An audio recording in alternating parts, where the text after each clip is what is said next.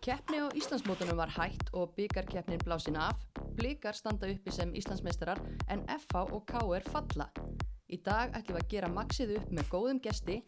Ég heiti Mist Rúnastóttir og tveimur metrum til vinstur við mig er Hulda Mýrdal. Gestur okkar í dag er svo Gilvi Tryggvason, knaspinu þjálfari og almennur spekulant. Þetta er heimavöllurinn.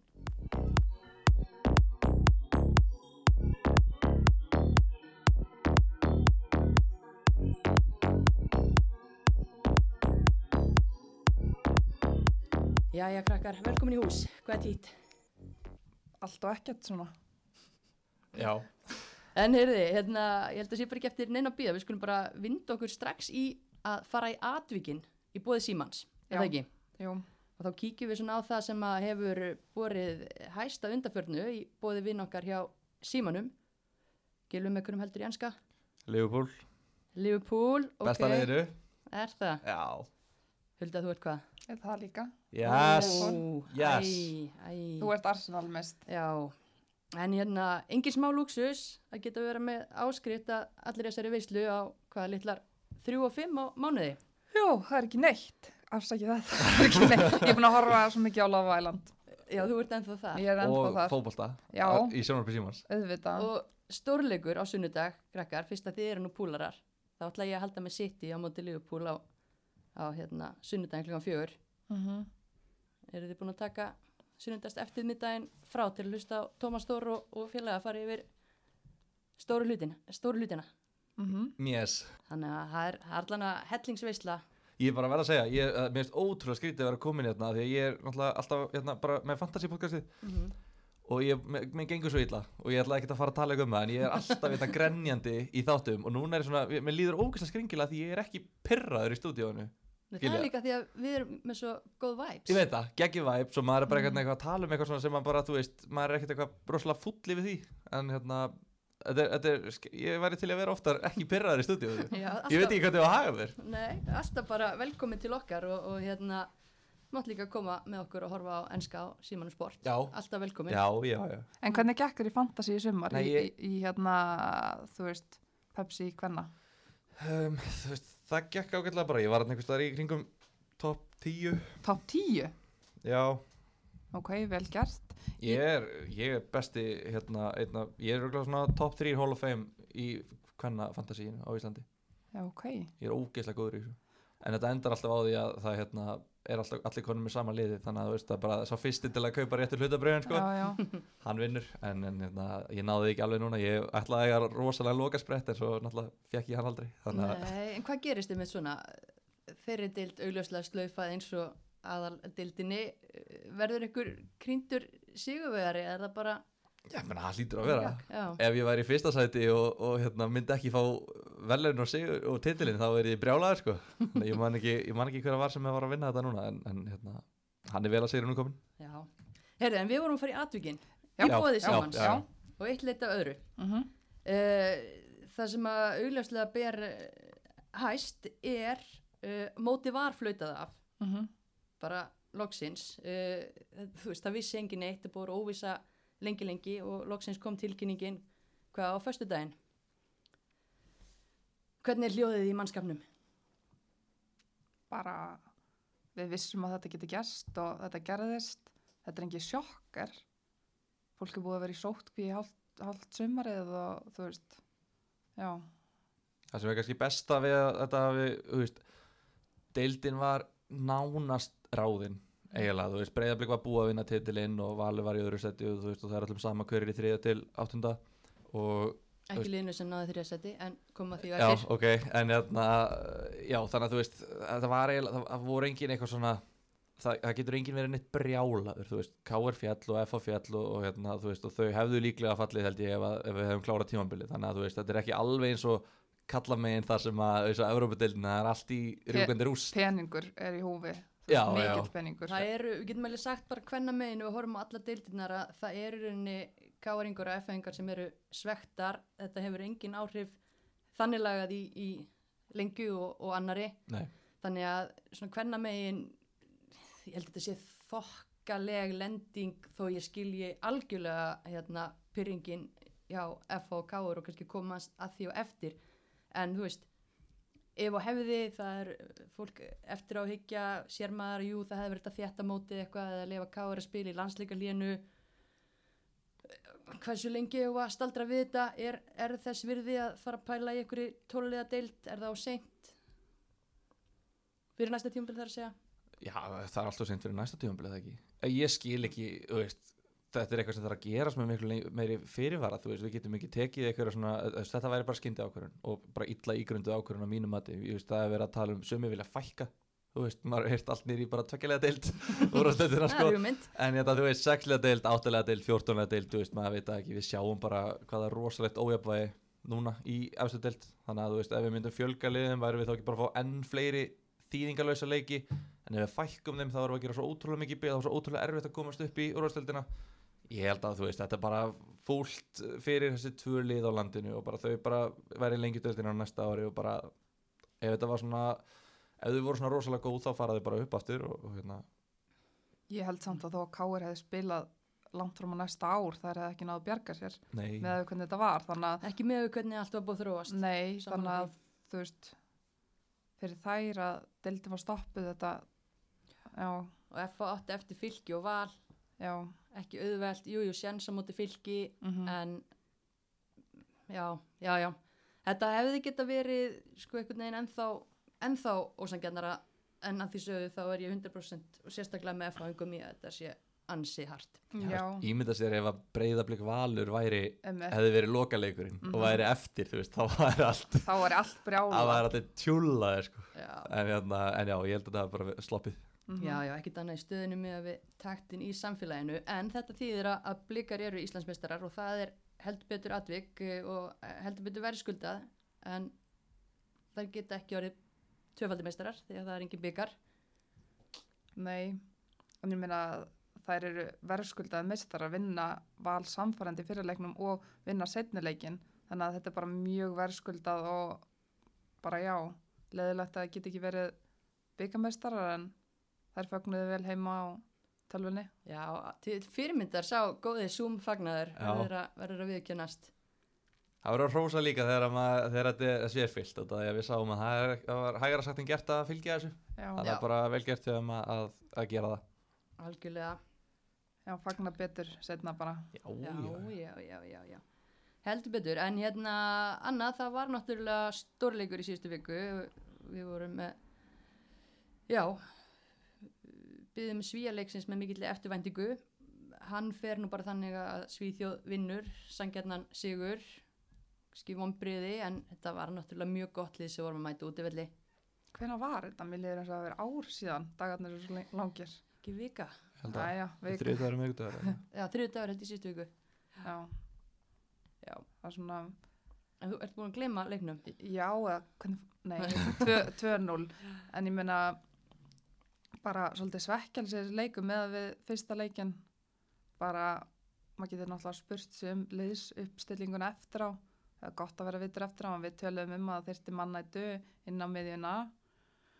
Ég, ef, ef ég hefði valið liðið fyrir leikin ég sé þetta núna, þá hefði ég haft Karolínu á kantinum, Gunni á miðjun og ég hefði bara skellt hlín í bakverðin hvernig hefði það verið? Hlín Eiríks, Já, hefur hún spilað áður? held ég ekki sko. Ég man ekki eftir allavega. Er ekki sýstir hennar frægari fyrir störf Ba- En já, ég er, þú um eitt hendkastar, snappaðar þessari hugmynd á mig þarna yfir leiknum og, og ekki línsamt, ég veit að það er alveg það er kannski bara einhvern annan. já, Já, en why not? Uh, en jú, mér, bara eins og við vorum búin að ræða að því sögðu fannst með Karolína með betri leikmönnum Íslands í þessum leik. Uh, en hún hefði notið sín vantarlega betur úti til hæri Alexandra var mín kona leiksins. Mjög góð. Bara því lít sem hún er að stíga upp í þetta landslist hlutverk bara búin að vera mjög hrifin að henni en, en mér fannst við bara svona einhvern veginn lesnar strax þetta var svona of auðvelt að bregðast eða þú veist að mæta okkur og við vorum á lengi að bregðast við. Mm -hmm. svona alltaf sjálfsé mistök hjá heimsklassa leikmannunum henni, henni glútisi Var voru þetta samt hennar mistök á ekki Sandra bara að æpa á takan þú skallar hann samt ekki þanga eða, þú veist, mér varst þetta mér varst, ég skrifa bæði mörkin eiginlega á glótisi mér varst Já. þetta bara, þetta var alveg hrikalega lélega hjá hann líka í öðru markinu þegar það eru tvær þarna Já, og já. hún það bara einu sem þú vart að gera er ekki hleypun í þessa átt og, og hérna hún gerði það samt ekki mm og Bara- þessi skalli, en þú veist, jú, auðvitað á Sandra líka að- að að öskra á boltan og vera mætt þarna Mhm. En það er bara einmitt að því að maður er að sjá Glódísi spila nánast hérna, óafinnalega með þessu landsliði bara síðan að hún mætir þar eins en kettlingur sko, Já, að, já. að hérna, það var þetta óvinnilegt. Já, þetta var skrítið hvernig hún var í setna markinu, hún bara einmitt bauðin upp á hægri. Svo Sara Björk var heldur ekkit á sínum besta Nei. leik og þú veist, það bara munar rosalega Mhm. um það. En aftur á móti, þá er hún búin að taka landsleikja metið, tók fram úr Kötu Jóns og er komin í 134 leiki. Ímyndar að taka fram hjá Kötu Jóns. Þetta er, komin að líður um það gamall þetta er alveg bara vel gert Sara. Já, þeir verða vonandi tölvert fleiri leikindir. já, já. Hvað kemst hún upp í marga? Hún er 30. Hvað, Hún spila þangtur hún er svona 47 ára með formið. þannig að hún tvöfald að þá leikja fjöldan. Þau eru upp í 300 ef við komumst á all stórmönd. í- Ætla að náðu Listinni. 200 Úf, það væri 200 landsleikir. 70 í viðbót. Já, ekki að það verið COVID, mikið, COVID ástand mikið lengur, en, en hérna, hver veit, ég menna ef að þetta tikkar inn á stórmótum og svona, það væri gaman. Mm En hvað, hvað er planið núna hjá Íslandi? Við erum í, við erum í held í fymta sætinu með að við besta árangur í öðru. Já. Já. Ef við vinnum Ungarland og Slovakíu, getum við þá komið spennt. Já, er það ekki, ef allt verður hagstætt. Já, það verður alltaf að vinna með okkur. Já, já, bara klára þessa leiki og fara svo í útreikninga. Já, áður en að manni fyrir að, fyrir að svima og mikið. Nei, ég, ég bara, ég verð svo ringluð í svona hvað gerist þetta gerist og þetta gerist en við erum alveg, þetta er bara við erum í hérna, ekki bílstjórasætinu við erum í farþegarsætinu frammi, við erum shotgun og hérna, alltaf notalagt. við erum í bílnum. Já, Fögnum því er það ekki bara Það á meðan við erum að keira eitthvað Það við erum í bílnum. Við erum að nálgast EM, þá er þetta frá flott Góð, góðum gýr, ekki bakkýr hmm. Ekki bara.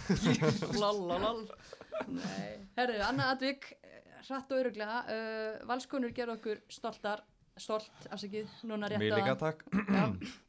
Uh, fara áfram í meistaradildinni vinna 3-0 sigur á finsku meisturunum uh, og verða í pottinum á föstudag bara vel gert valur að klára þetta. Hvað ef það le- oft sama fyrir hennar leik? heyrðu þeir ekkert í Pétri meira Nei, Það er hefði ekki þurft að æfa bara síðustu 15 árin held ég til að vinna þennan leik með að við þessi mörg sem var þetta var ríkalega steikt en, en hérna, þetta var eiginlega bara nákvæmlega eins og þau voru búin að tala um fyrir leik að hérna, þetta væri svona lið sem spila eins og kallarlega breyðarblíks bara ótrúlega áhættu sækin possession bolta og, og það bara var þannig og við sáum þetta eins og annar markið þegar hún bara markmaður er nefnda bara eitthvað heldur hún sé eini í heiminum og skýtur bara í elinum eftir inn sko. þetta er hvað ætla hann að gera? Ætla hann að bera hann upp bara inn í teig eða? Ég veit ekki, þú veist, þetta er bara, svona, svona eru þeir að spila og, og það er bara fínt, veist, ég fíla að það sé eitthvað svona konsept, ég minna, þetta eru finsku meistararnir, ef þeir vinna deildarkeppnina á þessu, það var bara flott hjá þeim, en, en kannski hefðu mátt aðeins hægja á sér hérna móti val, sko, en jú, bara fórum satt reyða að klára hennar leik og flott að vera konar áfram. mm og það voru þrjár Eiríkstættur í, í byrjunliðinu Hlín á sínum stað og, og Málfrýr Anna nú aðeins búin að spila Arna fær tækifæri líka í byrjunliðinu Mm -hmm. gaman að því en stóra fréttir af leikmannamálum á, á hérna, hlýðarenda því að Áskjöru Stefania var ekki á sínum stað á miðunni Nei, hún kuð vera, hún kuð vera boms hvað segir þau? Boms, hún kuð vera boms Þetta ég aldrei heist hvað er áður. það, danska eða? Ha, krakkar Boms! hafi ekki heyrt þetta uh, gravíð Ég veist ekki að reyna að segja bara ólétt? Boms? bara, ég held Akkur þetta að segja boms? Ég það. segir ekki boms nema þú mist já, já, ok, Þannig ok þú ert að segja með það að hún sem er barn í maðanum. hún er ég er að reyna mallanum að segja ykkur það Strút, strúturinn kom um daginn hjá henni strúturinn, já hann, hann kom og hendi í henni einu bati Já, Já. og hún er komið 16 vikur á leið. Já, já, já, þannig að hún missir líklega öllu næsta tímabili. Hún hefur orðið fimm, orðið fimm sinnum Íslandsmeistari. Já, þú ert að lesa, lesa ég tilkynninguna sem við sáum hérna rétt fyrir þátt Já. en frábæra fréttir til hamingju Adda Adda. Mhm. og hérna gaman að því Já, bara hún haldið hún komið aftur á völlin. Já, já, það ekki jú, hún gerir það. Hún er bara 33. mm ég vona það allavega, neinilega hún er búin að vera frábær í, æ, hún er bara alltaf frábær alltaf bara Já, já, hún mesti, kemur mesti aftur. leiðtogi landsins hmm. en Európa-drömmurinn lifir og við segjum bara áfram valur í Európa-kefninni fylgjast spennt með á föstudaginn þegar verið dreigið Mhm. um, Ég var að skoða þetta hérna Ég var að, að að lesa mig til um þessa keppn út að ég myndi að þetta væri þannig að liðin færi bara til útlanda og spiluðu í einum fjóralega reyli það er greinlega búin að breyta því. En, eða, eða hvort þetta sé fórkipni fyrir það ég, man ekki, ég ætla allavega eitthvað að kynna mér þetta fann ekki nóg mikið um þetta en ég sá að sko verðluna fjöð fyrir að vinna meistaradeildina er minna heldur en kallaliði fá fyrir að vinna fyrstu umferð í fórkeppni meistaradeildin sem öll ísirkuliðin fari. Vissu þið það? Nei. það kemur bara núla Já, óvart. Og og þau- maður er einhvern veginn bara, ég les ekki þessa tölu því að Þau- það gera mér leiðar. Já, ég var bara, wow, eða þú veist, ég vissi að þetta væri heiminn að hafa milli, en sko að, að Káir fái meira fyrir að vinna hérna Klaksvík í fyrstu heldur en sko að Líón fyrir að vinna meistaradeldri, ég var bara, ok, wow, hvað er mikið smunum hvað er verðlunarfjöð fyrir meistardildina? 250.000 eurur, en uh, kallaliði fær fyrir að vinna fyrstu umferð fórkefninar 280.000 eurur og sigurverðin í kallamegin fær 19 miljónir eura Shit. og fyrir að vinna síðan einhverja leiki í riðlakefninni og náttúrulega bara, þú veist, allt, eða þú veist, við ætlum ekki að fara út í þetta held ég, en, en hérna, ég, ég, Vá, ég bara, já, þetta, er óvart en þetta er óþægilegt og þetta er já, ég held að, ég held að, ég held að væri svona aðeins minni munur, sko, en ég Já. kannski breyta þessu eitt daginn, Það þegar við verðum öll löngu dáin, crossfest gleimt og gráin og gráin og dáin og dáin, já, já, já, já, og já, bombs og allt, bóms já, þegar Gilvi verið bóms þá hérna verður veluna fyrir jafnað út. Ég get alveg lofað því, mist, ég verð bombs áður en að þetta verður jafnt, já, það er líklega, líklega Því miður. því miður, og ég verð ekki bombs. Nei. En svona er þetta, er ég ætla ekki að dreipa þetta, ég bara rakst á þetta, bara, Þetta er, já, bara hérna mjög alltaf áhugavert já, það er fínt að minna sá þetta annars lagið og, og vita maður það. Heyrðu, næsta mál, næsta mál. Næsta mál. Er þið, já uh, við ætlum að setjast hérna niður til þess að fara yfir eh, Pepsi Max-dildina í sumar. Mhm. og við ætlum svona að stikla á stóru því að hérna já, þannig ætlum við að gera þetta. Þetta verður svona örgreining á, á tímabilinu.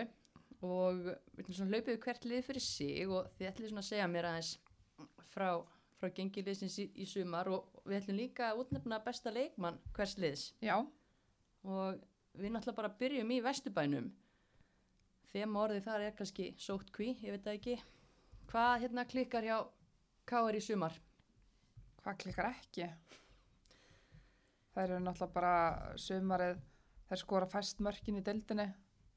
Áttu þennan því líka leikmannumarkað uh, fyrir tímabilið sem að var bara algjör vombriði og þú veist, það var ekkert að frétta á síðasta þriðung þó þú hafa halda ágætlega í boltan í leikjunum sem maður sá, það var ekkert að frétta.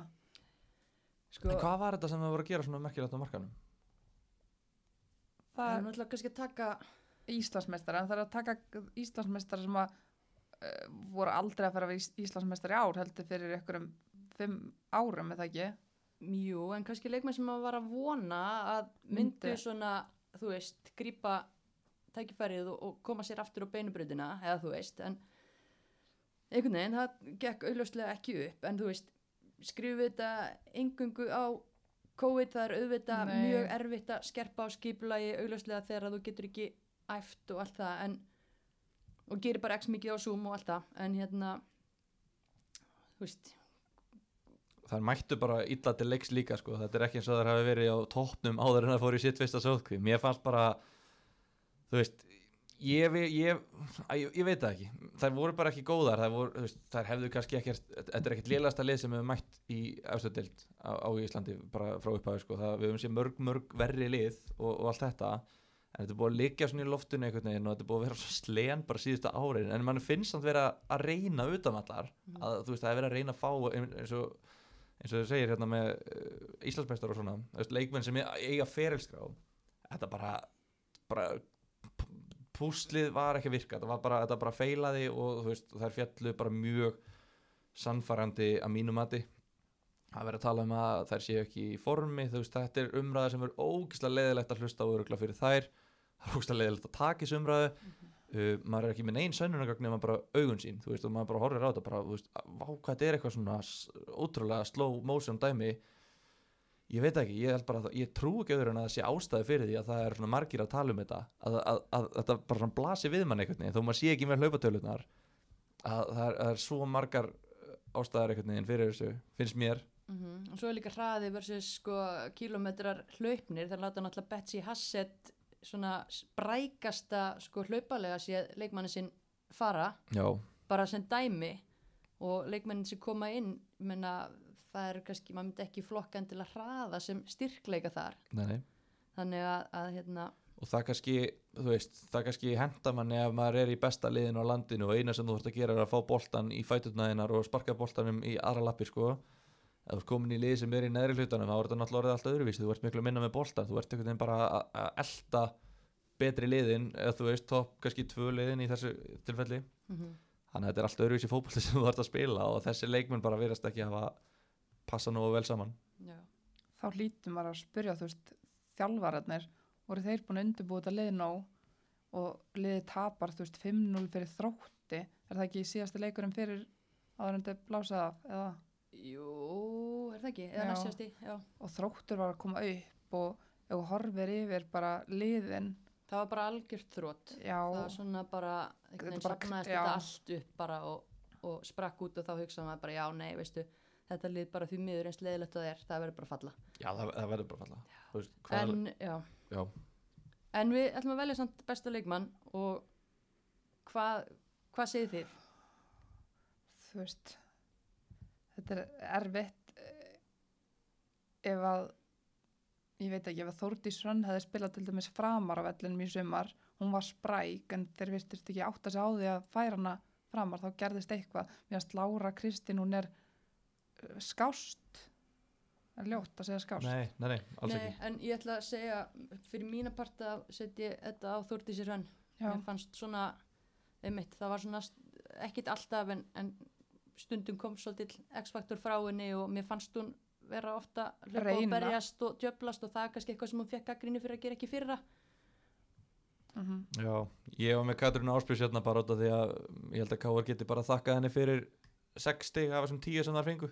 Reyndar þá náttúrulega tók hún yfir hérna einmitt tvo leiki. Tvo leiki, það voru ekki meira en þú veist, hún tók allavega yfir einhvern leik það var ekki ein, það var ekki eitt Káaringur sem tók yfir leik fyrir utan hana, Mhm. að mínum mati sko þannig að þú veist, ég veit það ekki, ef ég horfa bara þessi sárafáar sigrar og -hmm. þrý sigrar og Katrín Áspjós átti stjórnuleik í tveimur þannig að ég, mér veist hún skást eins og Já, segir, já. að, að var einhvern veginn erfitt að segja best en, en hérna, já en hvað gerist Svo- í Vesturbænum eftir þetta tíumbil? haldið það að verði sama fólk í brúnni haldið það að verði eitthvað breyting þar Þetta er nefnilega alveg umurlegur hópur til að falla út af því að eins og þegar að FA fjalli fyrra með rosalega mikið af ungum stelpum sem að, veist, voru til í að halda áfram að byggja upp og bara komast upp aftur, sína bara fá, bara hei stelpur þið fáið að spila og allt þetta. Hvað haldið að Katrín Ómas nenni að fara í lengjudeldina að vera eitthvað að sprikla þar á móti þú veist, hérna Grindavík, skiljið, þú veist hún var að keppa breyðablikki síðustu og var að keppa Grindavík núna, þú veist, hún var í Liverpool og allt þetta. Sé það ekki gerast. Ég veit ekki, það eru margar Nei. gamlar og lúnar sem að bara svona, þú veist, myndu það ekki freka bara að hætta í fótbolta heldur en að spila í lengjudeldinni í, Jú, Ég veit það ekki, Ég- en ég kalla nú bara þá eftir því líka bara leikmenn síni ábyrð og mér fannst bara mjög margir leikmenn spila vel undir getu og mér þætti lélegt ef að allir myndu stökka frá borði. En aftur á móti það er náttúrulega bara félagi þarf að ákveða hvað það vill Mhm. gera og fólk þarf að setjast niður og, og marka skýra stefnu. Og ég meina það liða á bara stefna beint upp aftur og ekkit annað. Annars geta það bara lent í brasi. Við erum að fara að sjá hörku lengjudeld á næsta ári. Það verður ekki auðvelt að fara upp nei, nei, En eins og leikmaður, þú veist, eins og Alma sem fætt 2003 og maður sá að er spræk og góðu leikmaður en þegar það var einhvern veginn í sumar þegar hún, hún var spræk að gera hluti upp á einstæmi eða skilur maður sá maður með sprengikraft og svona leikin og en ég, ef hún væri í betra liði er hún getur hún náð framförum í þessu liði? Ég held alveg að leikmaður eins og Alma er ekki orðin of góð til að taka eitt gott tímabili í lengjudildinni ég held að það væri ekkit endilega hrikalegt fyrir hennar en að samaskapi held ég að hún sé líka tilbúin til að fara í betra lið og ég held hún gæti startað í betra lið í Pepsi Max-dildinni Mhm. það er bara svo margi leikmennarna sem eru á leiðinni niður brekkuna á sínu ferli. Ég, veist, ég er að setja mig þeirra spór bara, veist, myndi ég nenna þessu?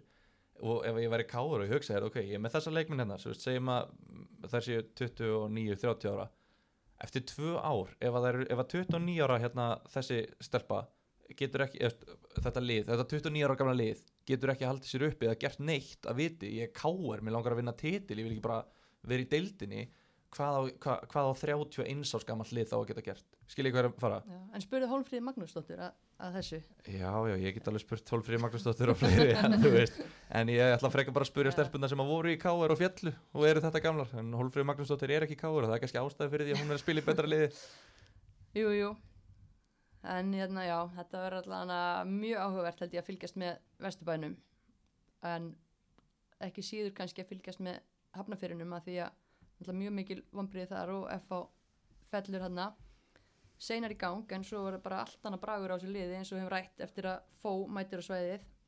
Og svona eins og þú komst inn á áðan ég, og ég sammáli, ég held að þær hefði ekki bjarga sér með við planið sem það rátti eftir en djúvel er þetta sárt.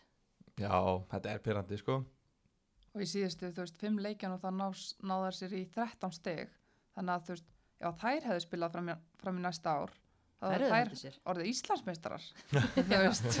Jafnvel, sko. Ég skil þær að vera alveg svektar og fó, þú veist, ef hún hefði verið með frá upphafi en, Mhm. en þá er aftur á móti, þú veist, leikmennarna sem voru að valda okkur vonbreiðum og voru ekki að stíga upp eins og maður hefði viljað sjá þannig að já, Já, einmitt. Íslensku reynsluboltarnir voru ekki að gera nóg fyrir liðið, aðrir erlendi leikmenn fyrir utan fó voru bara miðlungs já, og mann fannst bara skipulaði ekkit spest, mér finnst það lengi að færa liðið upp og niður og, og svona svona ímissi gallar sem að maður sá á liðinu svona snemma í sumar en eins og ég segir, þær náðu einhvern veginn að, að tróða ansi mörgum sokkum því að það var allir búin að afskrifa þær bara eftir tvo leiki sko, framist að var það döpur. Já, það var kannski búið að afskrifa það lið. Þetta er náttúrulega margi nýju leikmenn sem kom inn á miður tímabili og ég talaði nú með hérna um daginn þegar ég kom yngar þá var ég að segja með, þú veist, F-liðið sem að fjall síðast að það var ekkert gert, það er bara þeim var bara leift að falla og leift að vera með eitt liðlasta lið í deildinni þá. Mhm. svo komum það upp núna og það er aftur það, það er svona, ég er að hugsa að þeir fóra að dæla inn peningum í þetta þegar þetta gekk illa. En núna eftir á, ekki, þá spyr maður sér bara býtu, en gat ekki þjálfarateimið eða stjórnin eða einhver séð að þetta væri ekki nóg og þetta væri ekki nógu gott lið og það þyrst að gera þetta fyrr. Mjög auðvelt að að fara að tala um það núna en ég er svona að hugsa, þú veist hver var pælingin? Ef að það var hægt að styrkja þetta lið svona rosalega mikið á miður tímabili þú veist, var alveg ómögulegt að gera það tveimur mánuðum áður ef þessi peningar eru til staðar. Skiljið hvað er að meina?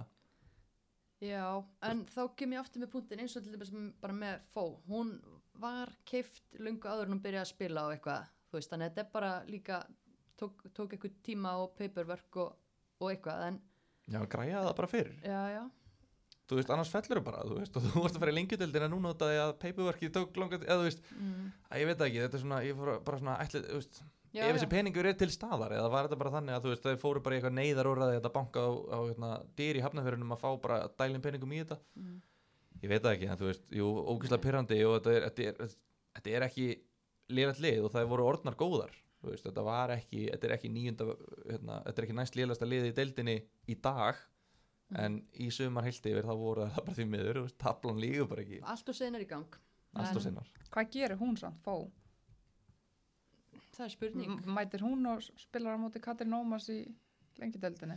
það var hundar rosa rosalega að sjá það tvær í lengjadildinni sko. Já, ég meina kannski tekur hún bara mjúri láta og er lojal, hún búin að prófa að spila í fyrstu deild með Sindra og Uh -huh. gerði það vel, en hérna talandi um hana, er, eru við að velja hana besta í hafnafyrunum eða uh, já, ég valdi hana langbesta Já, er það ekki? Bara Jú, þannig að við afgriðum það Já, hún ger, gerði líka bara aðra leikmenn í kringu sér betri þegar hún var að spila Mhm. þannig að, þú veist komið mörg og sjálfströst inn í broti lið.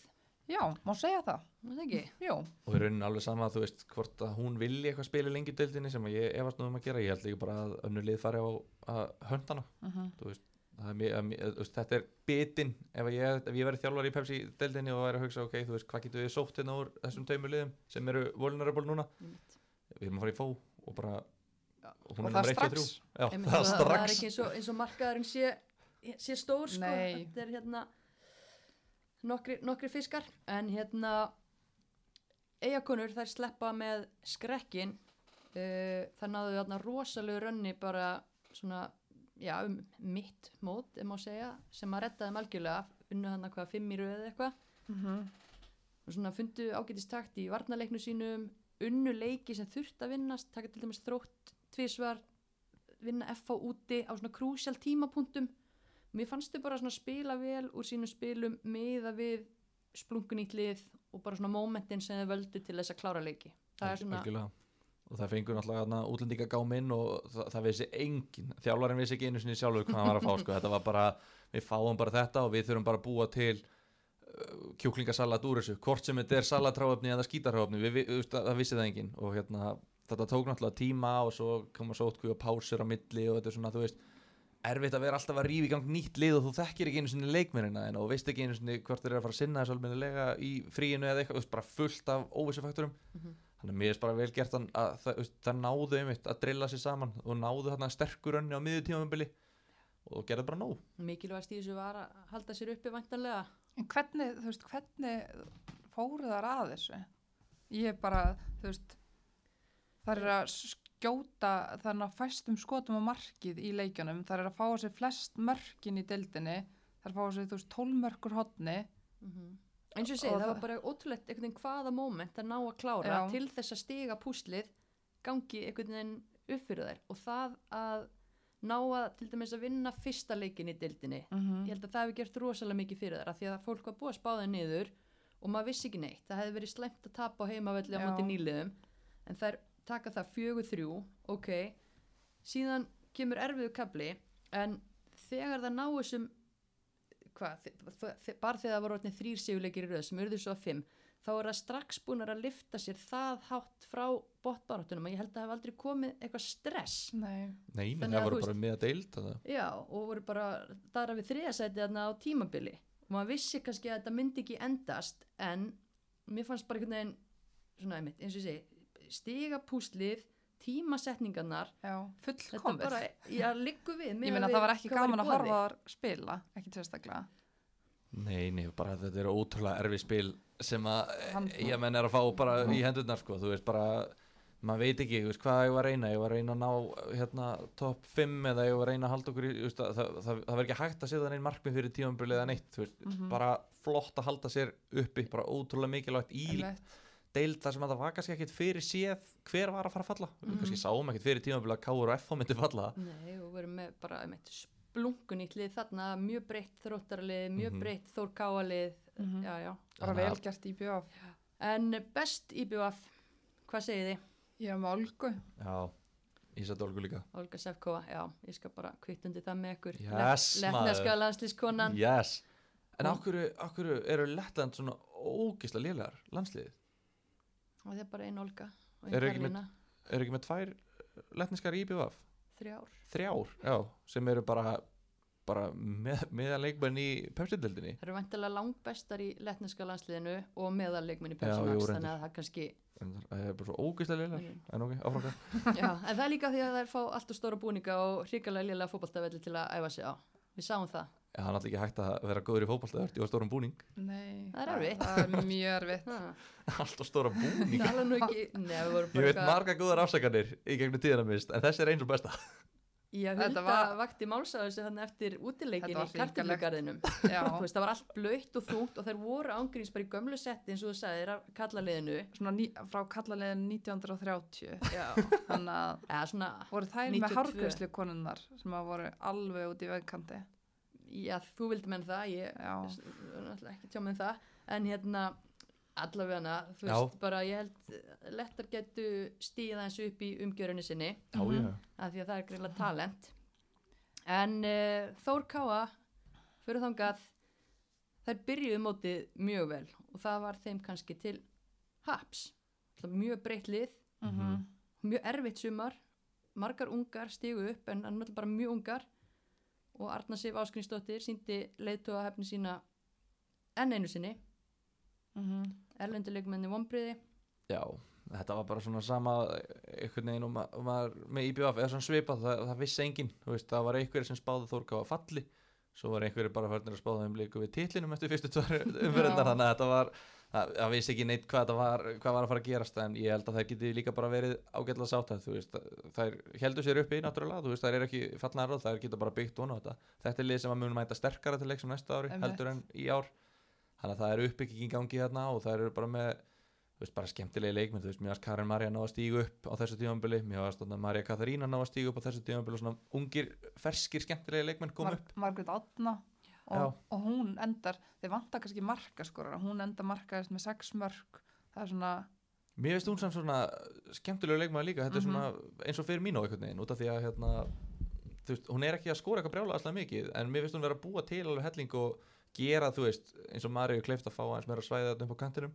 Mhm. og svo erum við Huldu Ósk líka hlaupandi það er alveg svona skemmtilega pælingar. Hún verður að skora meira hún er það góðu leikmaður og hún á að geta að skora meira hún skora eitt mark mér fannst hún eiginlega bara hverfa sko, ég var að hugsa að það hlýtur eiginlega að hafa verið eitthvað, bara hún hlýtur að vera meittið eitthvað því að hún var bara inn út á liðinu og Mhm. gæti eiginlega ekki er, ekki mikið þar sem að ég sá hann að spila. Já, ég sá hann taka nokkru góða leiki, hann til dæmis mjög góð í heimaleiknum móti val og hérna og svona, en þú veist jú, jú, við viljum fá fleiri mörg auðvitað frá henni, en mér er bara það sem ég er að benda á er bara, mér veist, komið fín breytt í sóknuleikin, en það Mhm. vantar kannski að taka næsta skref og ég er alveg á því að ef að hérna hópurinn heldur saman og gerir aðeins betur í hérna, erlenda leikmannamarkaðnum þá getur þær tekið gott framfæra skrifa næst sumar. En eins og markmannstaðan það er voru að fá ímyndaður það er voru að fá hellinga mörgum á sig úr bara skotum lengst utan að velli og þetta var svolítið vandræðalagt ef að þe- þessu, ef þær hefði haft markmann sem hefði varið þetta þá hefði þær alveg geta verið vel ofar. Er það ekki? Klálega, ef það verður með betri markmann þá verður ofar í töflunni. En á ég segi ykkur líka, þær fengi á sig þær fengi á sig 12 mörk í fyrirháleik og 25 í setni er það ekki, það er þetta- af því það er já. ekki gott. er en, þetta, en munið líka hvað Andri gerði var ekki á móti val þegar hann var lendur í, í brekku? Já, það bara skipta hann móti já, gaf leikinn eða þú veist, Já, ég segi já. það ekki en þú veist. Já, einmitt. Það var líka, hérna, fyrir utan val og breyðablík þá voru það með flest stig á heimavalli þannig sem ætti ekki að koma neitt mörgum á óvart út að þetta er náttúrulega akkurýri það finnst eiginlega öllum viðbjóslegt að fara að keppa en, Mhm. En hérna, samt þú veist heimavallir er sterkur og það er á samanskapi eiginlega ekki að fá neinn stig á það útivelli voru mjög slappar úti Þannig að ef það er bara að laga markmanninn, laga setni hálfleikinn, Fá laga útivöllin, já, kaupa betri útlendinga þá er þetta bara komið. nákvæmlega upp að nýju æventýri ha. En hver fannst ykkur best í Þórkáða? fyrir liðin og leiðtógin Arna Sif Áskrinsdóttir fannst mér best já, mikilvægast langt mikilvægast Líka bara í fannst- hotnum þar eru með hérna, Mhm. eins og ég sá hotspinnunda frá Jakobínu sem að voru bara geggjar. mm Jakobína, annar leikmaður bara algjör snillingur ég, sko, eins og þarna, ég sá náttúrulega tóleiki á móti stjörnunni sem að þær fengu örgulega 25 hotspinnur Mhm. í þessum tveimur leikjum, maður er bara aldrei síðan aðeins. Hver einasta hotspinna bara bing, bara beint inn á. Mhm. inn á hausinu og örnum, sko, þannig að hún er alltaf þvílík skeppna þetta í tegnum í hotspinnum. Já. Og líka þar, þetta er munur kannski á liðunum sem eru fyrir neðan KRF og þær eru að skora mörg ég held að það er skora 7-8 mörg úr hotnum. Mhm. þannig að þú veist, þær eru að nýta á þetta. Já, eða föstum leikadröðum. Það er líka ekkert hægt að stoppa hana þegar Nei, þú fær bara háan bolta. anskotin, ég myndi leip út af sko, lendi ekki fyrir henni. Já, en líka bara veist, að halda haus, ég meina hún er búin að vera þarna bara lengi og í topparáttu og öllu þessu og þetta er rosa ábyrður hutverk sem hún er að fá hann rosa það, en mér langar hendin einu fyrst að hún nefnir hann Jakobínu Hjörastóttur sem að ég var mjög hrifin af í sumar. Mhm. Vissu þið að hún byrjaði ekki að æfa fótbolta fyrir en á eldra ári í fymtaflokki um mitt sumar og þá er hann að vera 12 ára og þegar hún er 14 ára spila hún fyrsta U17 landsleikin sinn. No joke. Það er geðvikt maður mm -hmm. Hvað, hvað er hún gummul? Hún er 2003, hefði ekki? Já, ok ég vil vita hvað íþróttur hann var að æfa áður Ég, hún hefur verið í fimmleikum Handbólta, Frjálsum. lítur að golfi, vera, hann lítur að vera. En, það eru golfi skák, Ó. skíðum Ég var bara að tellja upp allar íþróttir sem ég veit Já. Það eru sjö íþróttir sem ég þekki já, Það er allar upp en bara, þú veist, geggja, geggja hrósa á, Já. á hanna og, og svona bara, allt, allt er hægt ef að maður er með hausinn rétt skrúaðan. Klálega Hmm. Hvað- Einskot, en, uh, já, en þið voru að velja og við örnu Sif besta já, á Akureyri. Damdaradam. Bam, Þá skulum við fara í Garðabæin. Næsta lið.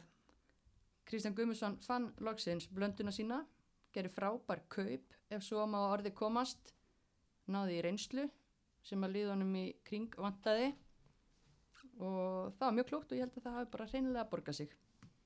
Já, Maður fellur ekki með lið sem að er inn og, og málfrýður að spila í.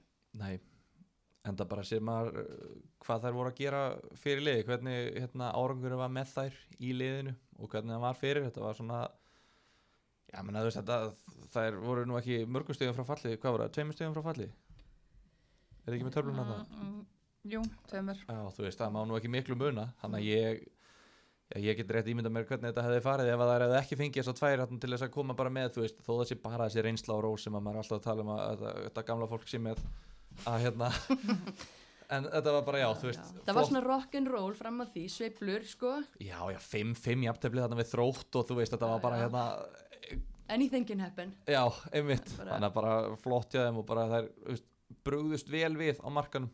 Fengur líka Betsy og, og hérna bara flott Shamíku, hún lengi í gang en þegar hún var koni í gang þá var hann ansi, ansi mikilvæg fyrir þær. Já, En- hún alltaf meitt þarna bara í byrjun tímabils og gæti ekkert hérna, látið til sín taka eins og hún er færum Mm. þannig að flott hjá henni að, að ná síðan veist, meina hún var líka bara að vinna leiki fyrir stjórnuna upp á eigin spýtur í rauninni eins og, eins og Katrín í K.R. að þetta voru eitthvað tveið, þrjir leikir sem að mér var bara sem ekki eiginlega Mm. ná að vinna, þú veist, þar hefur kannski ná jafntöflinu en þú veist, hún býr Hún til þú veist, hún er með hennan X-faktor að geta búið til hérna, eitthvað úr engu En verður Málfríður Erna eins og áfram. Hvað er hún orðin gömul? 36 ára, það er ekki neitt. En hvernig, það að, er ógeðislega mikið En- og í hvað er mikið pæliði er sniður samt. Hún er búin að vera þarna á, þú veist, náttúrulega bara annað hlutverk hjá val. Að ná sér hann og af hverju dattingum þetta í, af hverju var ekki K.R. búið að ringi hana? Ég held að Káar hafa verið búið að hringja Herðu hana. það? Já, já, Jæja. já. Ok. Svona fyrst þú nefnir Káar þá var það liðið sem ég heyrði að hefði reynd við hana Já, ásett stjórninni, ok. eða svona allan að mest. En ég meina, Bara veist, klókt. já, já. Og, já, mjög klókt. Maður bjóst ekki við því að hún myndi færa sig á þessum tímpunkti. Maður held að það myndi það frekar koma fyrir mót og svona, en, en auðvitað, einmitt, ef þú ert 36 ára, þú átt þrjú börn, þú ert að nýta frítímaðin í fótbolta, þú verður að fá að spila. Mm já, já, Þú Líka það er bara- leikmaður. Já, fyrir utan það. Getur gefið svo mikið að þér. Uh -huh. Þannig að ansi góður skóli sem að KG og félagar eru búin að bjóða upp á líka fyrir ungu og spennandi leikmennina í Mhm. hérna uh, Garðabænum. já Íslandsmeistarar í öðrum flokki og með, með fullt af, af ungum leikmönum þarna, svona, já, fínasta blanda sem það eru með, þannig að þetta er einmitt, þetta er annan lið kannski svona sem að maður myndi halda að verði betra á næsta ári heldur en í ár og Mhm. Anita Ír líka flott þarna, Einmitt. Skemmtilegu leikmaður hérna fram á við Frábær setni hlutamót sérstaklega. já, er hún 2003? Þrjú, Já, eins og svo margar. bara krakki. Og hún skorar 5 mörg. Já. já, Og bara, einmitt, það er gaman að horfa á hann að spila. Mhm. Og svo er spurning líka náttúrulega bara, ég meina Birta Guðlaugs byrjaði þetta mót í markinu og svo náttúrulega kemur erinn reynslubolti inn og spilar frábærlega. Uh, hlýtur að hafa verið lærdómsríkt fyrir Birtu að, að fá að vinna með svona kempu.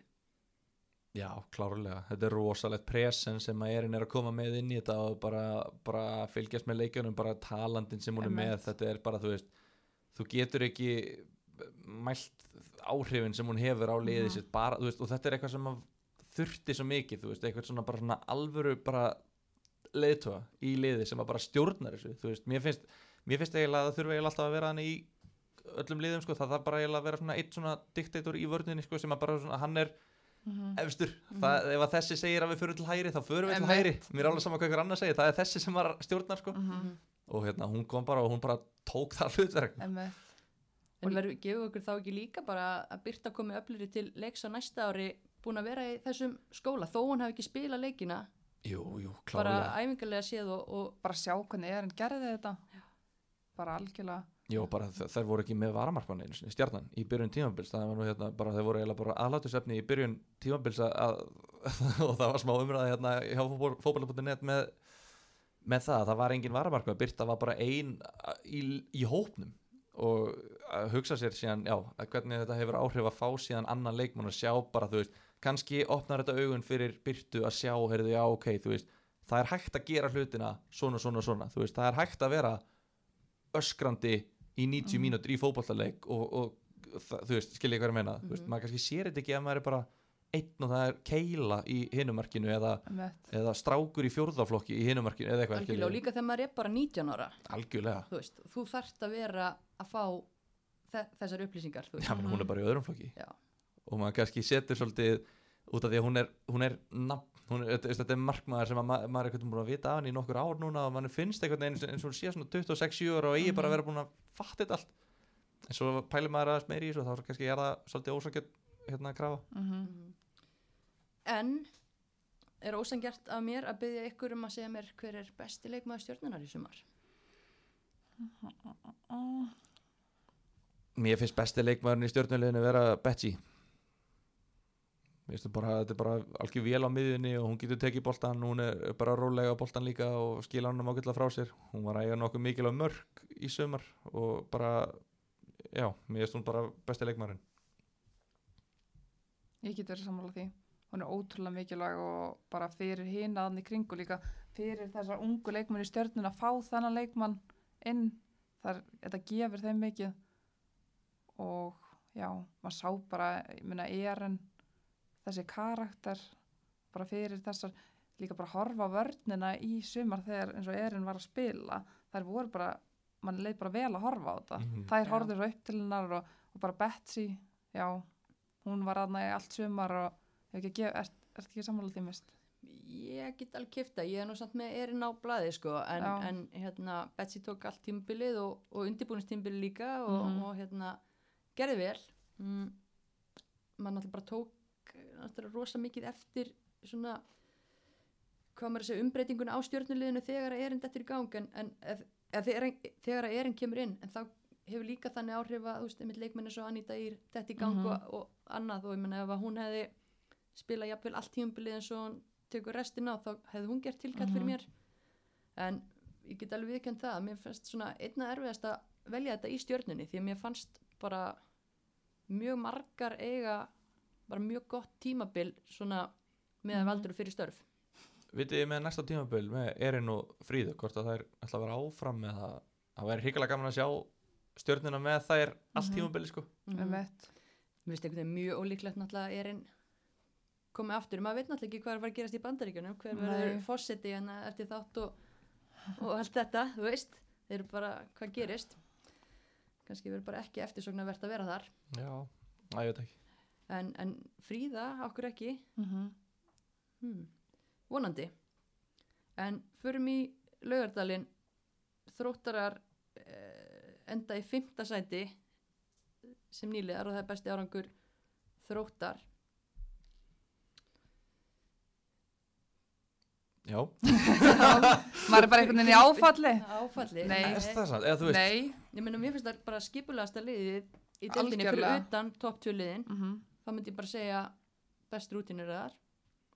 Markvæslan var ekki nokkuð framan af en það stíg upp þar og gáðu öllum liðum leiknema breyðablík Já, Algjörlega. þetta er bara, þetta er bara gott lið. Þú veist, þetta er bara ekki lið sem að átti að falla og bara aldrei. Að maður pælir hans í þessu, þú veist, jújú, jú, það eru nýlegar og, og allt þetta, en ég vil gaggrýna okkur sem erum að fjallum enn bolta að vera ekki nógu vel hérna, undirbúin fyrir tímabili þegar þetta var að byrja, byrja hérna, með, með bara þrótt, bara leikmann á hópin sem verður með, bara en það vissi ekki Hva- hvað erlendu leikmenninir gátu. Þær koma náttúrulega inn Mary Ellis tekur tvo vinnáttuleiki með Steffri Berjó áður en á móti byrjar og ég horfði á það báða og ég hugsaði já Mary, ok, hún er eitthvað fysiskt undur ok, en hún var, hún var riðguð Stefani reyðist ekki og svo get ég bara bentir á að þróttarastelpunar sem spila, íslensku stelpunar það eru allar undir tvítu, það er engin annar með reynslu úr efstu deild og mér finnst það bara að vera mjög stór spurningamerki já, Ég já. hafði ekki hort á þetta blaðum mitt eins og þú ert að segja bara leikmannópni og þrótti fyrir tímabili. Ég skammast mér ekkert fyrir að segja ég bara spáði þeim örgulega bara beint niður. En það, ég var kannski að vann með þetta bara neikk sem þjálfara, hvernig það skipulegur þetta lið. Út af maður horfir á þetta lið eins og káir og sér að það er plan þarna. Það er vilja að spila fótbolta og það eru hættulegar og bara alls konar í gangi þarna sem er bara aðdáðanvert að fylgjast með hvernig uppleggi í leikjónum eru og þú veist bara eins og þannig erum með leikmennu svo Andri Rut þú veist, hún leggur upp hérna, þriðju flest mörkin í deildinni 17 ára 17 ára Skota. En hvað fannst þið með, eins og með leikmannhópin? nei, ég er bara að segja þú Æ, veist fyrir ekki að- þetta var nú full hátt hjá mig ég bara, Brjála. Já, Ég tak, var- taka upp nýf Nei, ég er bara sáttur skýrur þú veist, ég er bara að segja að, hérna, þú veist það, vit, það er ástæði fyrir því að þróttu fekk þessa leikmenn. Þeir eru búin að skáta þá greinilega vel og þetta er greinilega ekki kannski útlendinga lottó, ég vil ekki alveg kalla þetta lottó Þetta er ekki út lottó af því að ég held að þetta sé bara rosalega góð skáting vinna sem að var runnin hérna uh, það er alveg hægt að hérna, komast að því hvort þessi leikmenn geta eitthvað eða ekki skiljið, þú veist, það er alveg hægt að komast að því bara, hei, hérna Nick, eða hei, þú veist, ég meina það þekki allir stuðningsmenn í öllum liðum býtu, hvað þessi, þetta fysiska undur hún var bara ógst að lélega í lengjadöldarleiknum, er hún svona léleg? Bara, nei, hún er, ge- þú veist, Já. sögurna fara bara að dreifast og Já, en nú er ég þróttari, þú Já. veist, og, og það er ekkert lindamál og ég tala við leikmenn þróttar, tala við stuðnismenn þróttar, heyri Nick, skiluru, og var hann bara fyrir mót bara, já, mist, þetta er bara auðvitað. ömulegir útlendingar sem ég með auðvita ekki. En, en hérna, þú veist, þróttar fær þrjá útlendingar, svo fá þeir loru inn last minute, Mhm. ok, en síðan hvenar hafa endilega þrýr frábæri útlendingar haldið liðið uppi, það er heldur ekki það sem gerist. Það sem gerist er að ungu stelpunar sem voru ekki kannski endilega í stærstu hlutverkunum í liðinu sem fer upp síðasta sumar, því þá eru erlendi leikmenn sem er ekki annað lengur og Lindalíf sem meiðist og missir af öllu tímbilnu, að hérna, uh, já ég man ekki eins og hvað ég var að segja, þú er svo æst að þú Ég ég er bara síður á mér, nei, nei, en þú veist það var það sem að kannski kom fólki mest óvart hversu stórt skref þessar ungu stelpur sem voru ekki með neina reynslu úr maxinu stóðu upp í samanburði við reynslu bolta í liðum eins og KR og FH sem voru í kring já, mér, kannski. mér finnst líka bara eins og leikmar eins og Ísabel Anna hún spila 14 leiki þannig í sumar. Hún var, í, var ekki fjölni fyrra eða eitthvað? Já, Fjölni, já, já. ég meina hún var bara tínd maður held bara hún væri bara hún væri bara búin skilur þarna mætur í þrótt, nikkar þjálfarna og hún spila bara alla leikina. Minnst þetta segja svolítið mikið um hvers konar þjálfara hann er. Það er bara mjög skýrt hlutverk sem að leikmenn fá og ég skal bara alveg hreinskilu með það. Ég var bara, ég var mjög óviss hversu þú veist, hversu gott lið er þið ég vissi alltaf þekkjandi þetta lið vel að það er þið skipula og allir myndu leggja sér fram og, og Nick var ekkert að klikka og ná í góð útlendinga í sumar. En bara saga þróttar líka í efstu deild hefur verið bara martraðar saga. Já, mjög stutt og, bara og stutt og Já. já, hræðileg bara. Þannig að já, já, en bara þróttur hefur skorað þú veist, þriðji flest mörkin í deildinni. Skorað 27 mörk, þróttur þú veist liðin eins og FH hefði ekki getað bjarga lífi sinu áður en fókom til að skora. Þú veist, þannig að alveg eins og þróttu myndi kannski ekkert ná að bjarga lífi sínu ef að Stephanie Ribeiro væri ekki hérna til að skora. Þú veist, takið útlendingan úr þessu liðu og það er falla á lengjudeldinni sko, en hérna ég veit ekki, þú veist uh, það er rosalega góð hóður hérna, hvað segir maður gott tryggjast ekki í þrótti og kannski ég veit það ekki, þetta er bara gott lið. Þú veist, að, að vera taland um eitthvað svona, veist, jú, flott, við þetta sem nýlið, þú þarft að tryggja sætið til dildinni það er fyrsta markmið og eiginlega eina markmið. Og það er gera það vel eru hann í fymta sæti, þú veist, samt tveimustuðum frá það fallsæti munar náttúrulega engu Nei, þú veist, munar en- engu, en fymta þetta sæti hljóma vel það, veist það það er það sem maður tekur út Já, úr já. þessu þú veist maður þarf ef að bara frábært tímabil hjá þeim en þetta er þetta, þróttur, þetta þróttaralið á að lendi í fymta sæti í þessari dild að mínum að mér finnst þetta bara að vera fymta besta lið á landinu Mhm. mér fannst það ekki vera overperforma mér fannst það liggu við frekar að vera underperforma Já, með já. að missa allt, alla þessa forskot, öll þessi forskot sem þær náðu í sumar og það var svona sem ég hugsaði ok, þú veist, kannski vil ég skrifa það á þessar reynslu minni, ég veit það ekki, en það er kannski ósangjart að mér að gefa útlendingunum kredit fyrir það sem er vel gert og klína svo ungu íslensku stelpunar það sem er illa gert sko, þetta, er bara, þetta er bara blanda. Þetta er það, já já.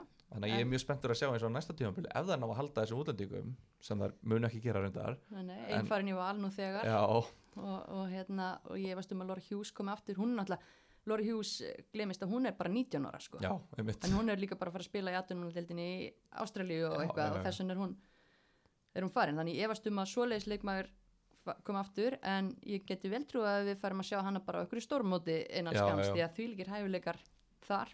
En ef Nick nær að skáta áfram eða hver sem hann, hvort sem hann með einhvern hauk í hotni þetta sem er að græja þetta með honum veist, ef hann nær að fá sambarilega útlendinga í þetta lið og allar orðnar reynslunni ríkari og jafnvel sterkari markmann að mínum að þá er þetta bara drullu gott lið að mínum að Já. en svo líka eitt sem er í þessu að þróttur reyndalu við þessa bita sem að við er, erum búin að tala mikið um. Já. að, hérna, en það vildi ekki færi þrótt. Nei, vildi nei. ekki taka sjensin á nýleðunum Nei, og náttúrulega kannski ekki mikill peningur þarna, ég veit það ekki. En hérna það geti verið svolítið annað hljóði leikmönu núna. Ég meina eins og, það hlýtur að vera. Já, eins og auður hérna markmaður í IPVAF þú veist, ég veit ekki hvað var að fá hvort hann var að fá okkur að gegja að vinna þetta í vestmannegjum en hún er náttúrulega bara valstelpa sem að myndi maður ekki alveg þykja það núna að fara bara í þrótt í bara solid hérna, solid lið? Mhm. jú, jú, veit að, veit að samkeppni uh, ég veit að samkynni bara spila þar. Já, já, ég veit ekki, mér ást frikk að stíga upp sko, en hún þarf að stíga meira upp til að hérna, halda sætinu næstu sumar. Já, ef hún ætlar að vera markmaður í fymta besta liðin á landinu þú veist, það Mhm. er bara hérna, alveg klártmál að mínum að en best í þrótti í sumar? Stefani, Riberio Ribeiro tíu mörg, solid. Gerði mikið. Ég var með Marjalis en, hérna, en þær tvær eru tvær bara geggjaðar. Bara báðar vel að þessu konar á mínum að en, en Mhm. hérna, hvað varstu með? ég var með fysiska undrið Fysiska undrið? Sem var bara keift á miður tímabila því að hún var svo góð. Já, já. en hérna en að því sögðu þá fannst mér hún dala aðeins í þessum setni hluta hún byrjaði þetta ótrúlega stert. En mér finnst bara það er svo sjálfsíð að sjá svona leikmann sem er svona ótrúlega líkanlega stert ótrúlega fljót, þú veist hún getur mögulega haldið í, í við svindi sér skilur í Mhm. kapplöpi hún er alveg þar. Þannig að, að hérna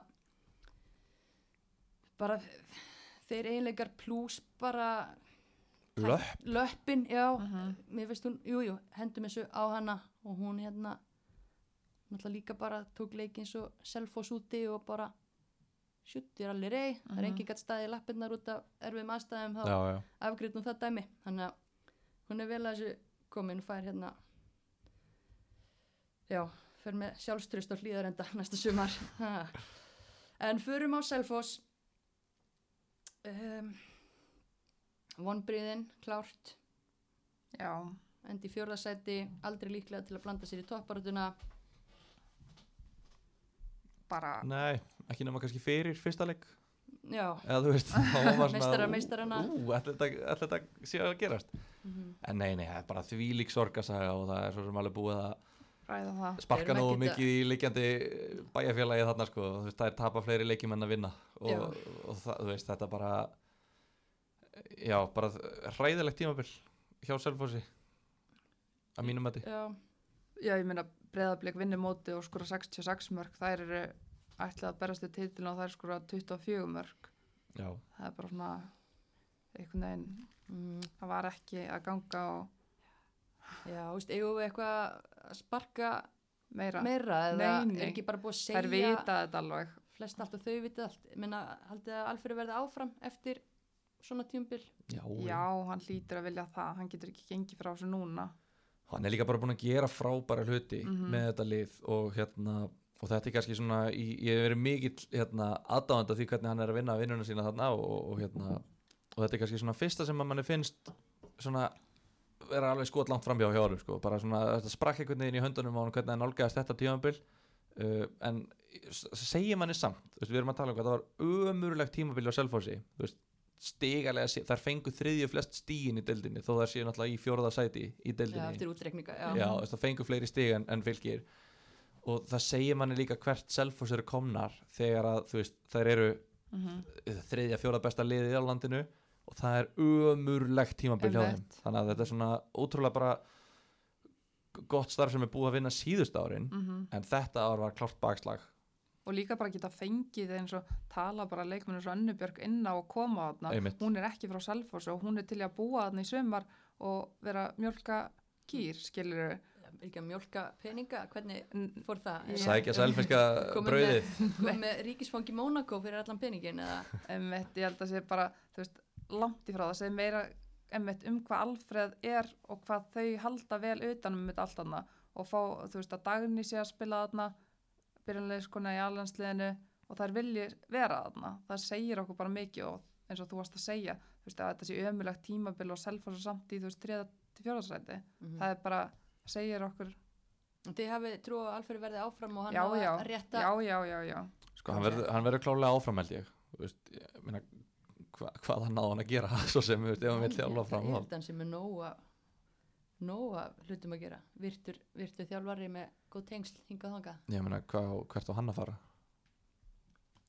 Við erum að sjá hans hvernig kappa, þjálfari kappallin leggst en ég meina, það er ekkert starfa að losna í betri liðum mm, kallaboltinn geti heila já, er annað deildinni þrið, ég veit ekki, jú kannski en eða þú veist, ég allavega sé ekki alveg hérna, hvað allan ætti að orða við, orðaði við kallajobbin í IBVF og, og Grindavík fyrir þetta tímambil og hérna manni hvert að vera núna síðast Já, jú, þú leigja veist, reyndar. já, hann er alltaf með tenginga við það já, einmitt, það getur reynda að vera spennandi en maður svona hugsa, þú veist, ég veit ekki við, veist, einmitt, vill hann fara frá þessu Mhm. þú veist, efast um það einhvern veginn og, og hérna hann er bara búin að byggja, þetta, þetta er líka challenge fyrir hann. Og, og fyrir Selfoss, þetta er ekki, hann er ekki einnanda bara fyrir þjálfarateimi og stjórnina, þú veist, það er búið að vera jákvætt, jákvætt, jákvætt, jákvætt Mhm. búm, neikvætt, skellur. Og hvað gerum við núna, skilur við, þú veist, hvernig ætlaðu að byggja upp? Hólmfröður er farin í atvinnumösku núna til að geta verið með á EM vantarlega, þú veist, Anna Björk ætlar hún að taka annað tímabil þarna, þú veist veit það ekki, Mhm. hvað ef að hérna, ef það fyrir aðeins að hægast á hvernig ætlar hann á að sannfæra liðið um að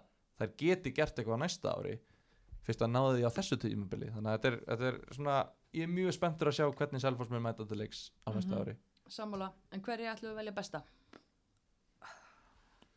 Mér fannst Hólfríður, þó hún hafi bara, hún spilaði ekki alla leikina eða nokkuð, hún misti nokkra.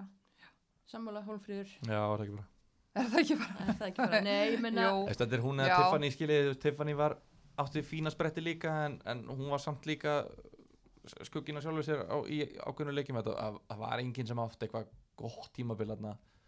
En ég held að, jú, ég held að Hólmfríður sé bara hafi mér verið best. Hólfríður bara mjög góð, hún alltaf ruslaði káir saman hann og, og hérna bara flottur rann á henni. En förum í þriðasettið fylgir nær sínum besta árangri. Í sögunni. Í sögunni já.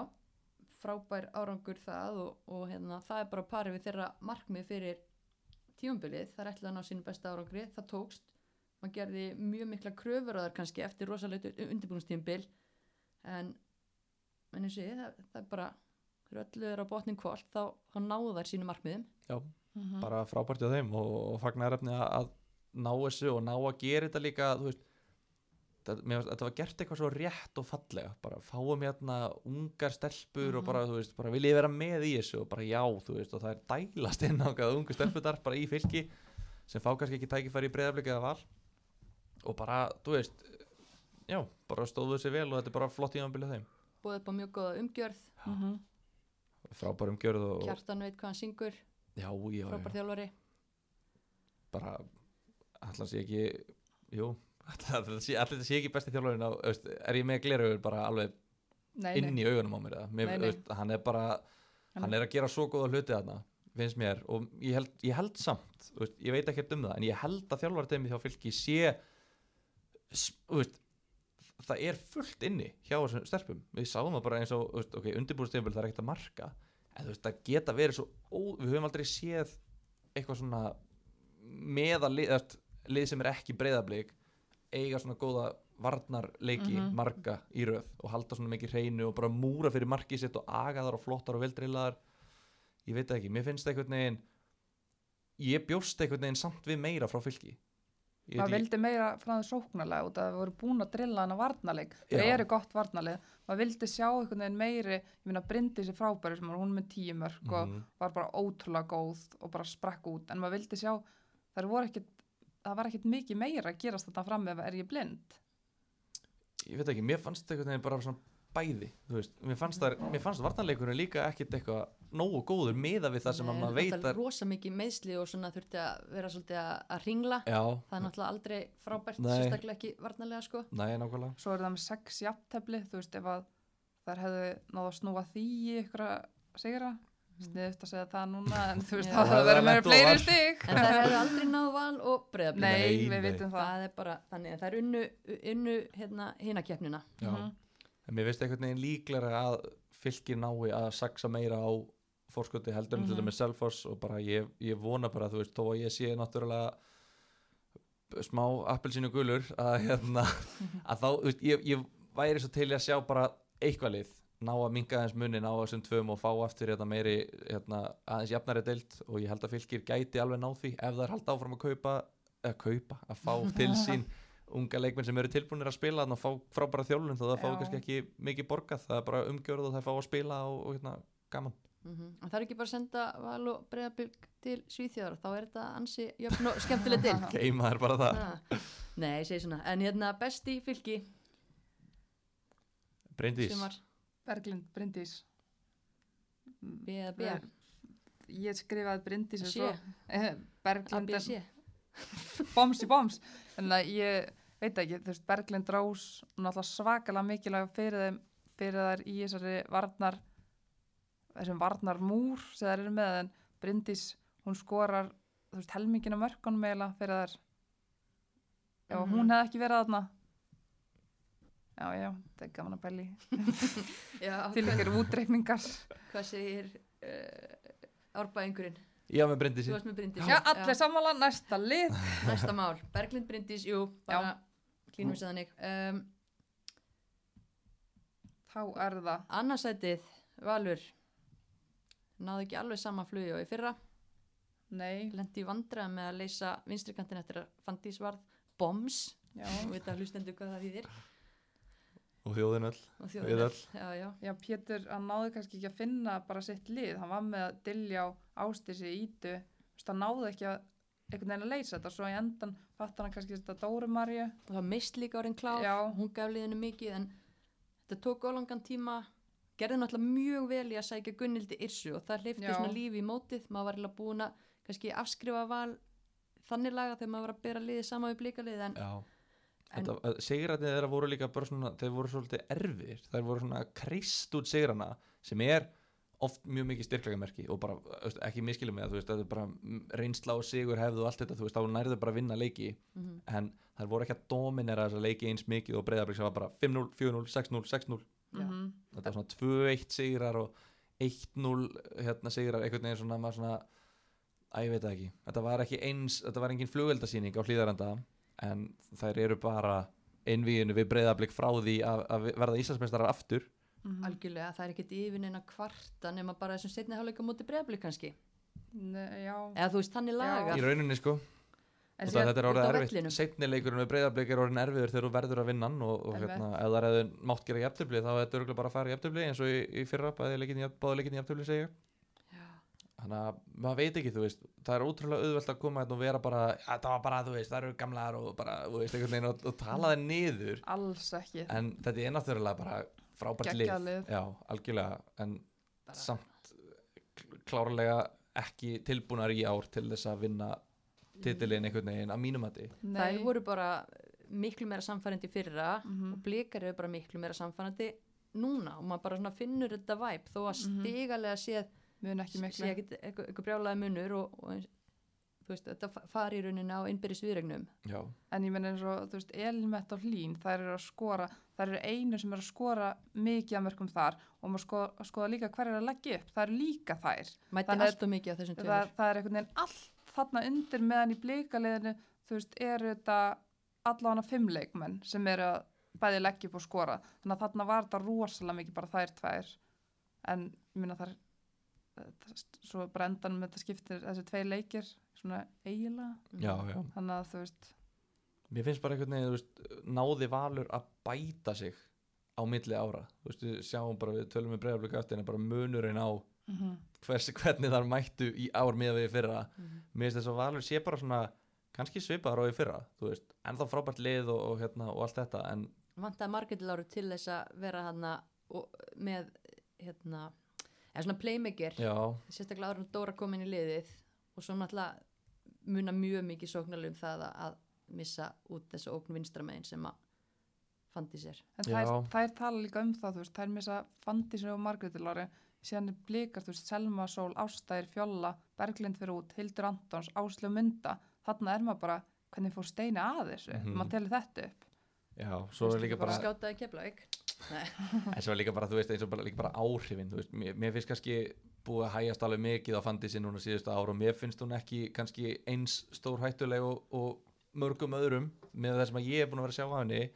En ég held að það geti líka verið bara svona, þú veist, Fandís og Margrét Lára, þær eru ekkert eðlilega svona frekar og svona marka, svona, Töffarar svona gráðuðar, harðar bara svona, það er örgulega ógislega erfitt að vera með þeim í liði veist, og örgulega óþólandi oft á tíðum. En þú veist, maður höfður þetta svona þú veist, eru Elin Metta og Hlín brjálaðar að fá ekki nógu góða sendingar? Eða þú veist, eru það brjálaðar að vinna bara 2-0 eða 2-1 eða 3-0 þú veist, ég get alveg sé fyrir mér ég veit ekkit um það, en ég sé bara fyrir mér Margreti Lára og Fandísi koma eftir 2-0 sigur á Káur á heimavalli bara stelpur, hvað í fokkanum vorum við að gera? Mm -hmm. þetta var þetta ógislega lélegt. Ég sé ekki Hlín mæta þarna stelpur, hvað, veist, skiljiði Mm að það er svona veist, kannski einhver áhrif sem að maður getur náttúrulega ekki mælt og, og þarf eiginlega að vera þarna inni til þess að vita þau almennilega en ég get alveg sé fyrir mér að þetta sé hafi spilað inn í líka Algjörlega, sammála. Þetta eru pælingar. En hver var besti í valsliðinu? Elín, ég var með Gunnildi þessu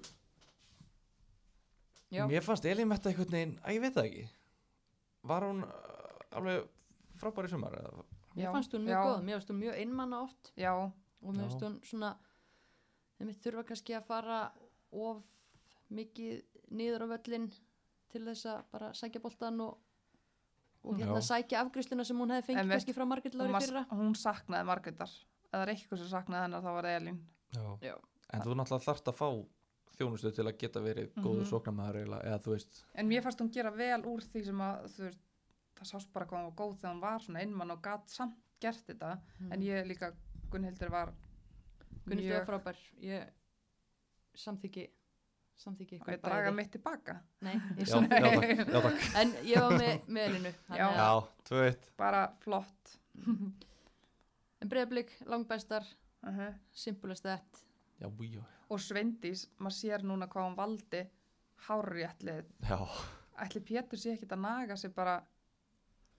Nei, ok, sig. Nei, ok. hann er að naga sig ok, önnur spurning Vi, vi, við töluðum um þetta fyrir mótið að þú veist viss, ég, ég vissi að hún væri svona góð þú veist, vissi, viss, ekki Pétur, vissi Steini að hún myndi verða svona svakalega góð fyrir þær þá um að hún kæmist væri kannski fyrir utan liði væri kannski var það ekki, þú veist, eða hvað stöð hún myndi Já, það var spila meira kannski hv- Hvar hvar hún myndi spila já. þegar maður sá ekki að Berglind væri að þetta út einhvern veginn en svo náttúrulega já, bara þróiðist þetta start á móti undarlega en bara frábært að hún tók mhm. kantinn og, og, og hérna já já. Og bara, og hún bara skeindi þessu móti.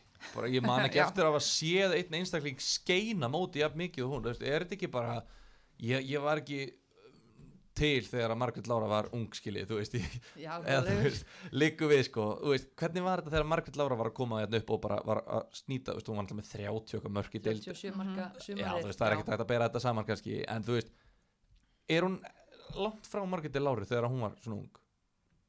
Nei, bara mjög ólíkur leikmaður Já, en, en- nei, ég meina mér finnst bara henni vera allar dyr opnar. Já. Hún er ógeðslega góð.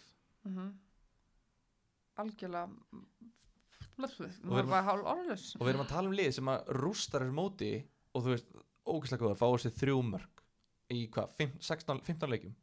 Og þær skora 60 og eitthvað mörg, þær eru að skora meir bílun þær eru að skora meir en fjögur mörg í leik en og þetta er algjört yfirbúralið en samt erum við að taka eitt leikmann úr þessu yfirbúralið og tala um hvað hann var Mhm. mikið yfirbúraðar mm og það er bara einhver 19 ára krakki úr Keflavík. Að þetta er bara þú veist, ég, ég þóla ekki að hún sé hann þá í Íslandi það bara pyrra mig bara, ég bara vona innilega að hún fari burt.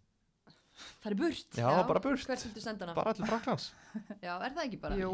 ekkert eitthvað að dúlla sér í nei, Noregi nei, eða nei, eitthvað, Nor bara nei, nei, nei, nei, af stað bara. Alla leið, tjú tjú. En líka, þú getur- veist, já. hún getur farið bara til Lyon og reynt og þó hún komist ekki í hópin eða liðið að hérna, þá er hún samt að í eitt ár bara í besta liði í heimi og þá tekur hún bara eitthvað skref í, þú veist, Wolfsburg eða eitthvað og verður bara þar að leika sér, bara fýblast mm grenjand og hlátri í Þýskalandi Í með Bratwurst og já, já, já, já, kannski, já af hverju ekki? Jú, ég, ég er alveg sammála. Hún þarf líka átt að sá þessu hvað hún er góð. Held, hún hlustaði Já, síðast. Ég vona að að hlusta núna. Bara burtu með þig Já. En eins og, þú veist, Sonni fær á sig þrjú mörg. Það er enginn fyrir framann hann í vörninu sem að hefur spilað alansleik. Er það ekki? Nei, ég held ekki Er Heiðdís, Kristín, Hafrún, Nei, Nei, Hildur Þóra. Og þetta eru þrjú mörg. Þú veist, og, og valsvörnin er Guðni Átna, Lilli, Hallberg og Elisa. Þar eru landsleikir og þær fá sér 11 mörg. Bara hvernig þau ná að stilla þessa vörn tímabil eftir tímabil og fólk gerir bara ráð fyrir að þrjú mörg sé eðlilegt. Þrjú mörg er bara, þetta er stór burðilegt, sko. Já, og halda reynu 13 leikja Einmitt. 15 sko, þetta er bara Þetta er bilun. þetta er alveg bila og það er alveg mesta eftirsjáin kannski varandi topparáttuna að móti sér blásið af bara, veist, hvernig hefðu tölurna geta endað, af því að þær voru bara vaksandi, veist, Mhm. þessi stóru sigra sem var að dett inn í, í lokin og svona, þú veist, Agla Já. Marja bara aldeilis kvikna á henni og ég veit ekki hvað og hvað Mhm. en hérna best Það er búið að segja það. Er það Hún er farin til Frakland. já, senda hana til Fraklands Sveindistín Jónsdóttir. En já, þá erum við búin að hlaupa yfir liðin en Mhm. við byggum til liðið. Heimavallar úrvarslið Pepsi Max 2020 Já. ég var hlegið, grátið, slegist flótað, faðmast. Nei, það má ekki. Alla, allan fjandan En Við erum hérna- allan tilbúið. já, og þú vilt kannski segja hver í markinu hulda? Það er Sonny Lara. kemur ekki ávart breðablик bakverðir, Gylfi þínar uppáháls uh, leikstöður. Mínar uppáhaldsleikstöður það er, það er Elisa Viðars og Mary Alice. Þróttar í vinstri bak, valsar í hægri bak ja, Eh, tveir valsarar. Já, reyndar. Touché. Tveir blikar í hafsendastöðunum Kristín Dís og Heiðdís og tveir blikarinn á miðri miðunni, hulda hver eru það? Alexandra og Andrea Rán. Ingi spurning. ok, en svo erum við með valsara með þeim, Gylfi þín kona, mín kona Gunnildur Issa ó já. Náðu að lauma henni í lið lauma, hún vann sér bara í ég liðið veit eins og dúra sér Ef þú ert- kanina ef þú ert maður leiksins í 90% af leikjunum þá ertu í lið ársins. Klárt mál. Uh, Vængstöðunar úr herbúðum Breðabliks Sveindís Jane og Agla Maria og hver leiðir sóknarlínuna hulda? Það er Metta, Eli Metta. Elimetta Jensen Þetta er ágætis lið. kona. já, ég myndi trista mér til að Þjálfa þetta að- blindandi. alluga franska hérna, titlinum með þetta lið. Haldið að Berglind Björg sé í Fraklandi núna að kasta fjastringunni í vekkin Hún má alveg gera það. með 12 mörk í nýju leikjum? Ég, hún verður bara að vera aðeins lengur hjá okkur. En með hún ákvað að fara, erum bara svegt. já, ekki fyrsta sinn sko þannig að, hún lætur þetta sér að kenningu verða? En hún er fyrst inn á bekknum, eða ekki? Jú.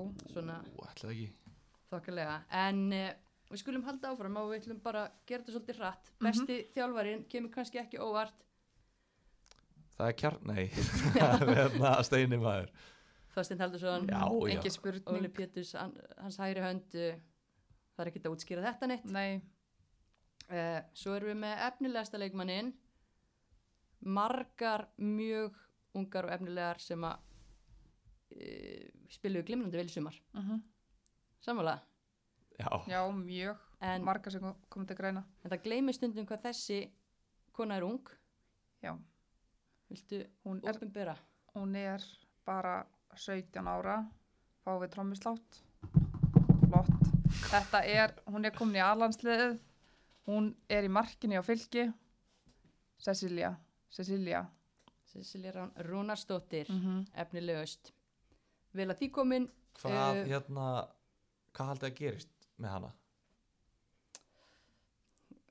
hvað Segðu gerist bara með hana? mest. Veist þú eitthvað? Ef við erum Nei. með, út af því við erum með í breyðablík og val erum við með uh, hvað 34 ára markmenn 2, Mhm. ok þú veist, hvað myndið þið gera ef þið væri breyðablík eða valur, væri þið að rey, myndið þið reyna að fá hana núna yfir, Er ekki Valur búin að reyna að fá hana? það, maður hefur heyrt það en ég, nei, ég myndi bara allan ef ég væri Cecilia þá myndi ég mögulega bara kannski kíkja eitthvað með Sveindísi sko er hún nú vung? nei, nei ef hún kannski klárar mentaskóla, hún á eitt ár eftir á því Eitt ár þegar maður 17, er það hún er er, búið á, að stýtta þetta í ár, mentaskólan? hún er á öðru ári núna í, í, Já, ok. í hérna mentaskóla Ok. held ég og þú veist, já, hún er að hérna, standa sér Já. vel þar frábær, Sko, starfræði Já, það. Nei, Þú en kennir hérna- starffræði? Nei, hún kemur stundum á námskeið á Nemju Ok. starfræði námskeið Þannig að hérna, já, að ég hugsa að veist, það er eitthvað úkslega creepy að ég veit að hún er á öðru ári í mentaskóla eða þú veist, Já, já. en hérna, ég Það hugsa er að ég hugsa, veði ég ekki útskýrið þetta, nei, að ég er eitthvað að tróða því inn eitthvað, En við mælum með nemju. Nemja, nemja, frábæri einhver kennsla og Nei, en hérna En sko málið er bara, þú veist, að, að því að sko ef að Valur og Breiðablík væri ekki með tvo af bestu markmönnum landsins, þú fer ekki að kasta þeim í, í burtu, heldur. Ekki, það var það sem Nei. ég var að pæla. Nei, ég bara, Þú ert ekki að gera það? Ætlar að, treysta því sem valur að breyðablík taki hann ekki eða öfugt? Ætlar að treysta því sem stjórn breyðablíks að valur ná hann ekki? En er hún að fara að vera hérna eftir nokkur ár, hvort þið er? Af hverju ekki að af hverju ekki Þú, nei, just, nei, veit hún, hún verður farin en þú veist, af hverju ekki að reyna að fá hana í þrjú ár? Bara heyrðu hérna, þú veist, vilt ekki koma til okkar og verða Íslandsmeistari þrísvar og við borgum þér þú veist, við borgum þér 600 úrst á mánuði fyrir að klára mentaskóla skilur, þú komið með 600 úrst á mánuði vinna með skóla næstu tvö árin. Hvað ertu með þessa tölur? 600 skall? bara, ég er bara að kenni starfræði ég er góður í starfræði nei, ég meina, þú veist, af hverju ekki? 600.000, er það ekki jafn mikið á meistaradeldar Já. og þú vinnur meistaröldina fyrir okkur og borgar okkur þetta tilbaka Já, nei, ég veist, ætlum sé að fara beint út? Að ég var bara að hugsa þetta út að það eru bara tvö liðin fyrir ofan eru með tvo gamla markmenn sem að, þú veist, Þetta tala um sem er þetta aldrei lið- svordóma gilur. nei, nei, þetta er bara gamli markmenn. Ég er ekki að segja þessu lélegar, þetta er bara gamli markmenn. Það er alveg rétt. það, það er bara, það er bara staðreind Þær eru, já, en gam, ég minnst þetta svo eitthvað svona. þær eru gamlar, þær eru 34 ára. Sonni er búin að vera þetta í 7 ár hún ætlaði að vera þetta í 1 ár Já, en ætla- þeim, þeim langar báðum á EM. Já, klárlega. Og já, ég held að hvorki valunni blikar ættu ef að, ef að þessi leik, ef að Sonja og Sandra eru 100% all in í framhaldið ef þau eru það sko, já, klálega sko. En framhaldið. já, en fótbolt er náttúrulega þannig að það er öllum drullu sama hvað, hvað manni finnst eða hvernig manni líður sko, þannig að þú veist, það, það er ekkert eitthvað svona, já, hún er búin að vera hérna í fimm ár, hún Sandra, við þurfum að leifa henni að koma, það er bara, ef, ef Nei, þetta er ekki spurning um það, en þær áttu báða góð tímabil líka. Já, var þetta ekki svolítið skrítin skilabóð ég veit það ekki, ég, Já. ég er bara að velta steinum hérna sko, ég Já. var bara að hugsa þetta út af því að, bara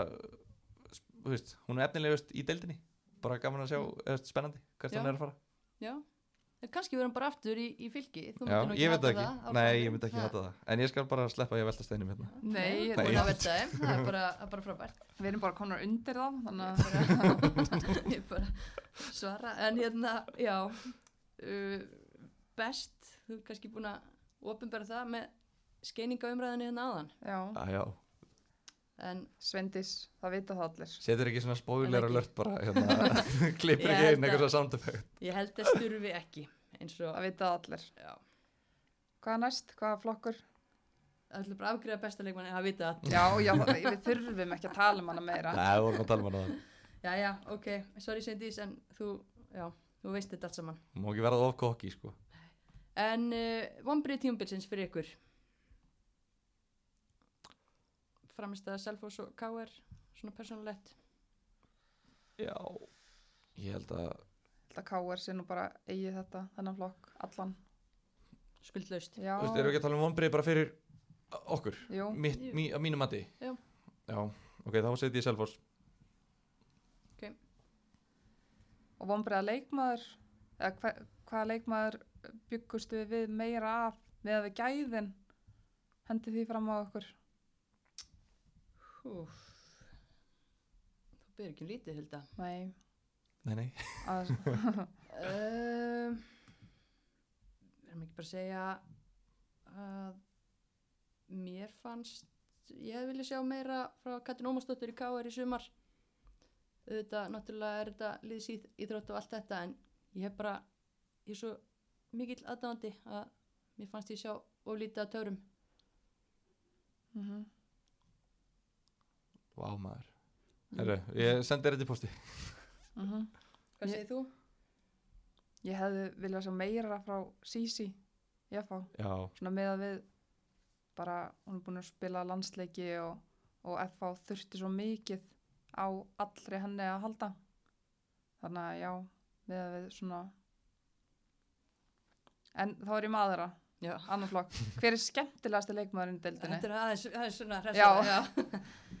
Skemmtilegsti leikmar þá innanvallar, utanvallar. U bara bæði, bara utanvallar hver er þegar þið sjáu að þessi er að fara að koma í viðtal. Það er ekki leðilegt Ég er náttúrulega þið viti hverjum, hverjum ég finnst vera skemmtilegsta leikmaðurinn utan allar áður en að ég það fyrir eitthvað eins og ég sé að hig, eins og ég sé eitthvað efins með það en hérna, hver er það? það er Arnandís leikmaður stjórnunar, Hún er skemmtileg. Hún er mjög skemmtileg en þú mist, þú, það er kannski ekki sama svar hjá þér Nei, ha? uh, þú veist, ég trúi þér, af því að þú ert skemmtileg maður, en ég, ég takk, þekki kærustuna þína lítið. En hérna, ég hef mjög ga- gaman af henni Ólusíku sem að koma á láni í þrótt.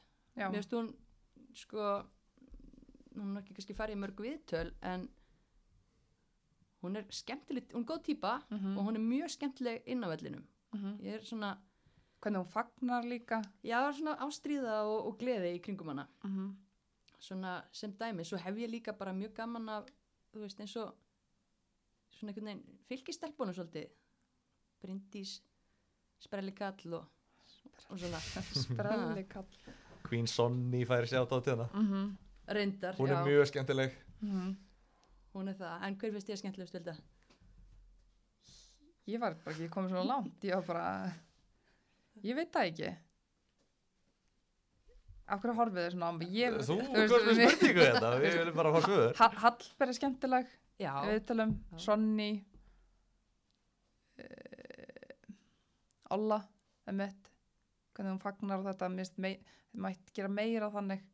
Þegar fólk skora mörg að bara bilast eins og það brind, brindi skoraði í sömarskilur bara ástriðan allt þetta. Næst, að, næsti flokkur. En, að, en hver fannst ykkur skemmtilegasti leikurinn í sumar?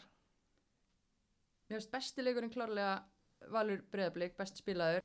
En IBVF 3 Selfoss 2 var trilltur karaktersteikur.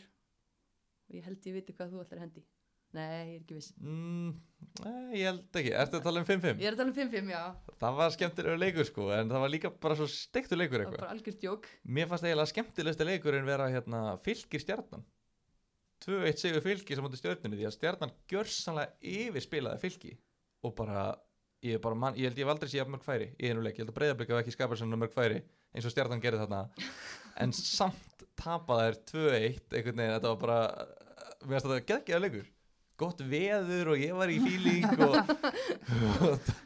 Já, þér leiði vel. Já, já, já, þetta var góða leikur. Þegar þú sagði fylki stjarnan ég bara, hmm, Það var, Það var Ég bara bara- eftir klaufalegum mörgum ég Já. bara, mér ámar ekki eins og nýjina leik. Nei, það mann engin eftir þessu leik en, en þið þú hort, á hann, þetta var geggjaða leikur. Já, Já, Sjaminga þarna fór hamförum en náði ekki að skora, fekk raukt spjald fyrir Já, já. svolítið slá eitthvað. þarna til Þórdísar Já, og Bryndís eh, bara orðin og þreytt skýtur bara einhverju laflaus á markið og legur inn og árbærinn trillist og Björn Bræði fyrir að syngja og fullu í, mikro, í, í hátulörunum Vá, já, já, ég ætla að halda Valur Breiðablík já ég sammála því, það var svona mesta bara, það var eins og að horfa bara á skák Já. hjá þjálfurinnum það var svona, Það var það skemmtilegu leikur? Mér, Mér fannst þetta, mér fannst þetta bara áhugavert hvernig liðin spilu, Valur styrst að vinna leik.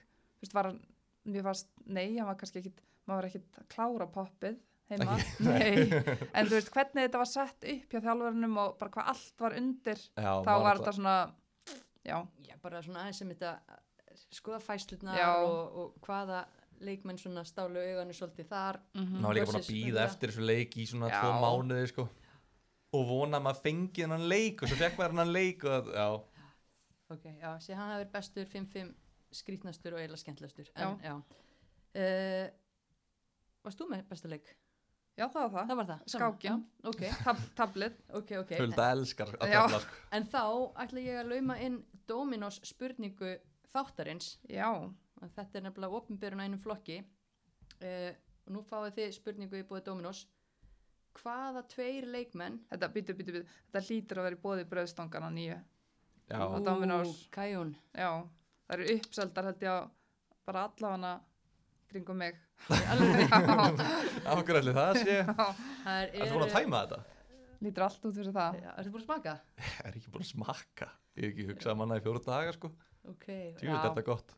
Þetta er mjög næs. Þetta er í bóðu bröðstangana Kajun bröðstanga mm spurningin. Já, Kajun bröðstanga spurning- spurningin. The Cayenne question. Which two players? Hvaða tveir leikmenn enda spjaldahæstar í sumar? sko það er pottet, önnur er pottet Evanúra það er bara það hlýtur að vera. go to svar þegar það er spurt um Nei, ég skal hoppa hérna fram af ef að, ef að, ef að það er ekki Eva. Er það, Ég skal opna bara fyrir þér nú þegar. Það En er bara alls ekki hún. er það ekki hún? Nei, nei, nei, hopp, hopp Þetta er, þetta er fyrsta hæð. En Fjóla sjalla ekki með í ár. Það, ef það er ekki Evan voru á fjóla, hvað er að gerast þá? ertu viss? Hvað er þetta mörg spjöld? Hvað, Sjö spjöld. Sjö Oh ég, var held ég með allavega fimm. Og meðlum fimm, já, held Já. ég, eða fjögur, fimm. Ok, sjö spjöld, hver eru trilltar? hver eru, eru, hver eru og það eru samherjar, nota benni, sem gerir þetta ennþá trilltara þetta er einhver, þetta hlýtur að vera einhver í fylki. Hverju? bara, Það er ekki svona fylki? Það eru frekar brúðar. Oh my god, þetta er eitthvað Ég Þetta er, váma næsti, þetta er mjög erfið spurning. Já, í hvað lið er þar? Það eru í þrótti. Þróttur fekk Mar- langsamlega lang flest spjöldin í sumar. Marja Alice og Stephanie Ribeiro. Mér finnst ég alltaf að vera að fá mínustig fyrir þær í fantasy sko. Já, meinar. Þær fengur fullt að spjöldu líka. Þróttur fekk bara eitthvað, ég hugsa þetta sé spjalda með, við ættum eiginlega að taka svona sagfræði hérna, Það er skoða þetta. Já, það er ógsta pyrrandi þegar maður er með Stephanie Ribeiro og hún fær guldspjald sko sem sóknar maður maður er eiginlega tjúlast að fá mínustig fyrir hana. En, en hérna, nei þá veit ég ekki hver þetta er. Nei, ég er er alveg, þið alveg tínt? já. Herðu, Sóli Marja Steinastóttir og Laura Hughes fengu sikkur sjö spjöldin. shit, Mér finnst það svo áhugavert, já, uh Aha. -huh. hvorið þeirra er eitthvað fauti, sko. Nei, ég geta verið hérna í marga daga Já, ég já. líka Ég geta borðað mjög marga brauðstangir á meðan ég væri að reyna að ná þessu svari Sóli Marja með sjö gul Já, þetta, þetta er bara, já, já. ok, En já, sorry, þetta var erfið spurning. Ég, hérna, Við fjallum að prófinu þetta já, heldur betur ja, þetta var, þetta var næsti. Þetta bara komið svo óvart að Já. ég Já. var bara að spurja, því að, en allavega, anywho, eh, Dominos bauð upp á þe- þennan fróðleiksmóla. Mhm. mm En þá skulum við fara í markahæstu og stóðsendingahæstu hulda þær völdu, völdu sér bara sjálfar Markaðist Svendís og Agla Marja er númer þær eru já, báðar. já, þú ætlar að ekki topp þrís mark, eða, þú ætlar bara að tala um markaðist Svendísi, Og Agla Marja. já, ég skil þar vorum við mörg ég held að náði aglinni Já. ó, geggjað agla Marja, til hamingi með þetta ég ætla að setja því annarsæti þetta 14 mörg hvor, ég held að Agla Marja sé mér að segja ofar á mínútum spiluðum, ég er ekki alveg vissant. nei, Það er allan að deila þessu marka drottningatitli og Elin Metta með 13, Berglind Björg brjáluð í Fraklandi með 12. mm -hmm. innilokuð Nei, það. jú, Er það, Hún er það? alltaf innilókuð já, En hún er með önnu Björg með þessi núna. já, já Það er Bærilegt. horfa á Bachelorette, Já, Já. En stóðsendinga hæst Hulda Agla Marja, það er hún Þarna fækstu öllum já, já, já, já, já, já. Sveindís það er aðeins og eftir Aglamari með 13 stykki, það er ekkit smá. vel gert Það er geðveikt maður Sveindís með 8 mm og Dark Horse, Andrea Rutsi og nendir aðan 17 ára með -hmm. þriðju flestar, 7 stykki. Það er þokkalegt. Mm En uh, hvað er þetta langu þáttur? hann er hann dóldi langur en hann er farið að bössa hérna Já, okkur já. en uh, við skulum samt klára, við erum alveg búin að því að við völdum líka fallegasta markið Gerðu við það? Já, þú veist, allir voru með heimaverkefni Mm -hmm. Ha? Ha? Það er að klikka á heimaðinu Ég hef aldrei klikkað á heimaðinu á henni Trúið ekki Fyrir Úff. mér voru mörg glæsilega mörg en Áslu Mundamóti Þórkafa uppspilið, einstaklingsframtaki í slútinu Hú, hú, hú, hú. og með hægri er það ekki jú, já, draumi líkast. Já, ég er sammála því bara, Þú veist, Eva Rut og Mary Alice eru kannski geta eitthvað sáttar því það róttu mjög eftirminnilega sleggjur en, Í fylgir stjarnan? Uh, já, í, í besta leik sögumarsins en hendur við sér ekki á myndu jú, hún fær þetta. Jú, ok, Já. fyrstu viljið Það var svo léleg vörn, ég er ennþá pyrraðar bara að rifja upp þetta mark, ég þól ekki lélega varnarleik sko. En þær voru bara, þær voru sopnaðar að horfa á þetta uppspil. Þær voru bara varnamennir, Já, já, þær svæfðu þær Já, Já, þær já. já. En hvað næst? Ummælin Við ætlum að vera Íslandsmeistarar Er það Það er bara, það, Það það er ekki hægt miður að taka þetta. Alfreð. Nei, nei, hann fær sér tattoo kannski Já, Ég efast um það Nei, Steini Halldór senda líka þegar við spurðum á Instagram mörgum fast hann klöfalegur hérna í keflaugur ummælunum en ég held að Alfreð eigi þetta hann tekur þetta. Já. En uh, áður en að við hættum alveg endum á topp 5 í bóði Origo Mm og við spurðum internetið, við rættum saman við ætlum að velja 5 vannmettnustu leikmenn deildarinnar, einhverju 5 sem áttu mjög gott tímabil fyrir sitt lið en flugu alveg undir radarinn og fengu kannski ekki hrósið sem það áttu skilið -hmm. Og kannski ekki alveg rétt að segja að það er flóið alveg undir radarinn en Nei, en svona, það er eiga, veist, það er ekki að forsjóðanum. nei, akkurat Ef að séð og heyrt verið ennþá. Takk fyrir að hlæja þessum minnst. En fyrsti, fyrsti, fyrsti sem að ég setti þarna er hérna Heiðdís. Það eru allir, allir að tala um Kristínu Dís. Náttúrulega bara Kristín búin að hafa frábært sumar en Heiðdís, hún líka frábært sumar. Hún er búin að vera þannig fjögur ár, Íslandsmeistari tvisvar, spila alla þessa leiki, engin að tala um hana. Bara ótrúlega hvað hún hefur líka bara vaksið. Hún er að bera bolta vel upp, finnur alltaf leikmann í fætur á miðinni. Einfalt. Já, hvað bara fleira? 100% nei, bara alveg sammála hún fær ekki hrósið sem hún á skilið heitis Lilja Dóttir þannig að Það er glata líka bara fyrir hann að vera heima þessir í sumar að hlusta og þetta bara, þú veist, það er bara búið að tala um eins og Breiðabrik sé bara með einn í vörð, bara Kristínu Dís og, og hérna Sonni í markinu og aðrir bara annar staðar. Þannig að, já, ég held að sé alveg klárlega að segja hún sé búin að vera vannmyndin á þessu tímabili og bara búin að standa sig virkilega vel. mm Solid, næsti leikmaður, hún er í árbænum. Þórdís Elva Ágústóttir vél. Og bara því líka framfarir hjá henni þessi leikmanni og bara mikilvæg í fylgisliðinu góður leikmaður við höfum alveg, þú veist, náttúrulega talað um hana en, en við erum ekki að tala um hana sem kannski þennan leiki leikmanni mitt og, Mhm. og hörku leikmann sem hún er orðin Já, hún er bara mjög góð og, og bara var hann ekki í haugum? Er það Jú. ekki? Kemur hann ekki þaðan?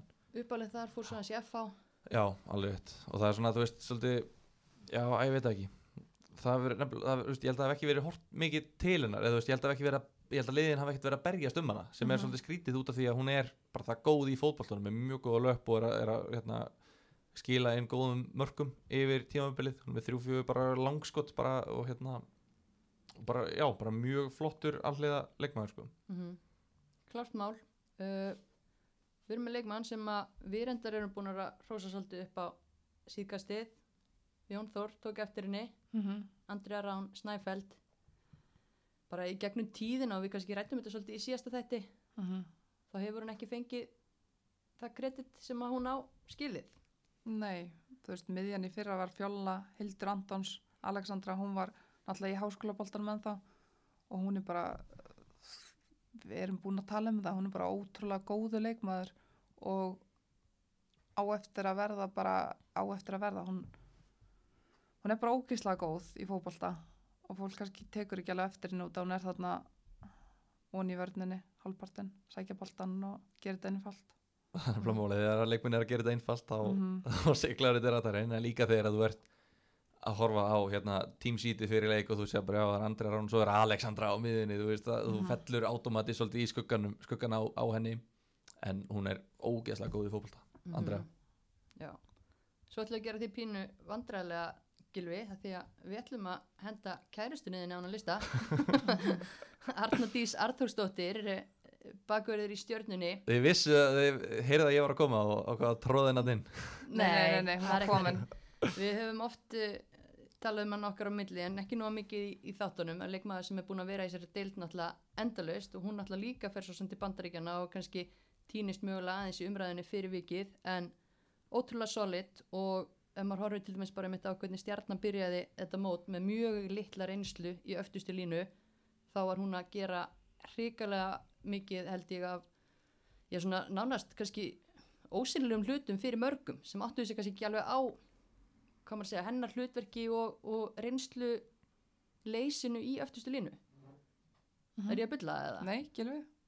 Er Nei, þú ert ekki að bulla Er þetta ekki rétt? Jú, ég er, ég er sammála ég er kannski, þú veist, það- þetta er svo oh, já, þú eh, já, þú ætlar að gera mig vandræðilegan þetta, þetta er svo kjánalegt að vera að tala um kæristunum sína í hlaðvarpi, skil, ég veit ekki hvað mörg þúsund manns Þú hlusta á talaði hana nú þá. um öndjarna síðast, þetta getur ekki verið handadís nei, æ, bara svona, þú veist, þetta er svo bjánalegt þetta er umræða sem á heima frekar ég á frekar að vera Inn í hérna- svefnaherbygginu.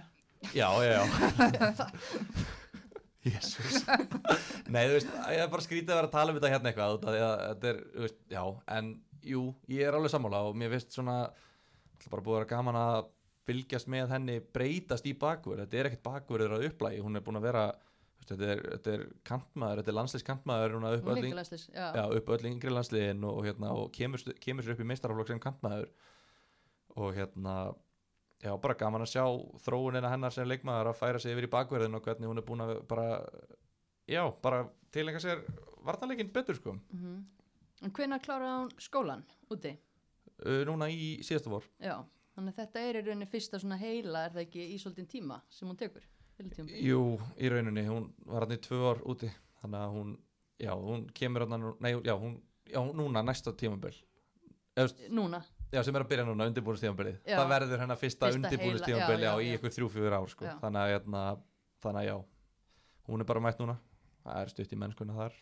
Við förum saman til Líón eftir svona þrjú ár. Er það ekki? Takk í svendi sem við. hittum það Sveindísi og Sessu já, Íslandíka nýlendan. Ég verð kannski komin í kallaliði hver veit? Drauma geta ræst, 28 ára söngengur. já, já, já. En uh, svo fymta á þessum lista, hún er af Akureyri. Mm Hulda, viltu ofinbera? Heiðaragni, Heiða Ragnæ. miðjumæður, Þór Káa.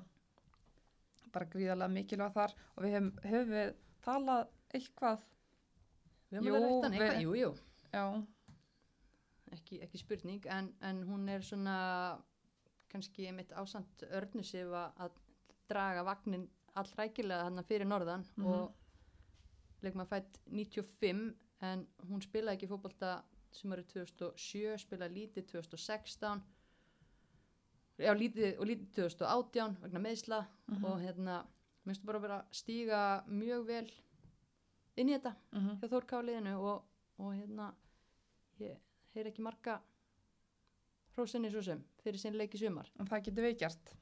heldur betur, Rétt. þú kvittar undir þetta með okkur Gilvi, já, já, það ekki? Þá eru þær fimm komnar. Fimma dagsins. En ég held að við ættum að hætta að tala. Eins hugulegt Yes. og, þetta er búið að vera þá hérna þarf fólk að fara heim að sofa mæti vinna og svona. En íslenska tímabilinu er lokið með kvelli, það er nóg að gera hjá atvinnukorunum okkar úti og tveir erfiðir útileikir framöndan hjá landslinu þannig að það er nóg að gera og við erum hvergi næri hætt. Nei, er það ekki bara takk og bless í byli jú, ég held það. Það sé bara komið gott í kvöld. takk og bless, takk og bless Takk fyrir að hlusta.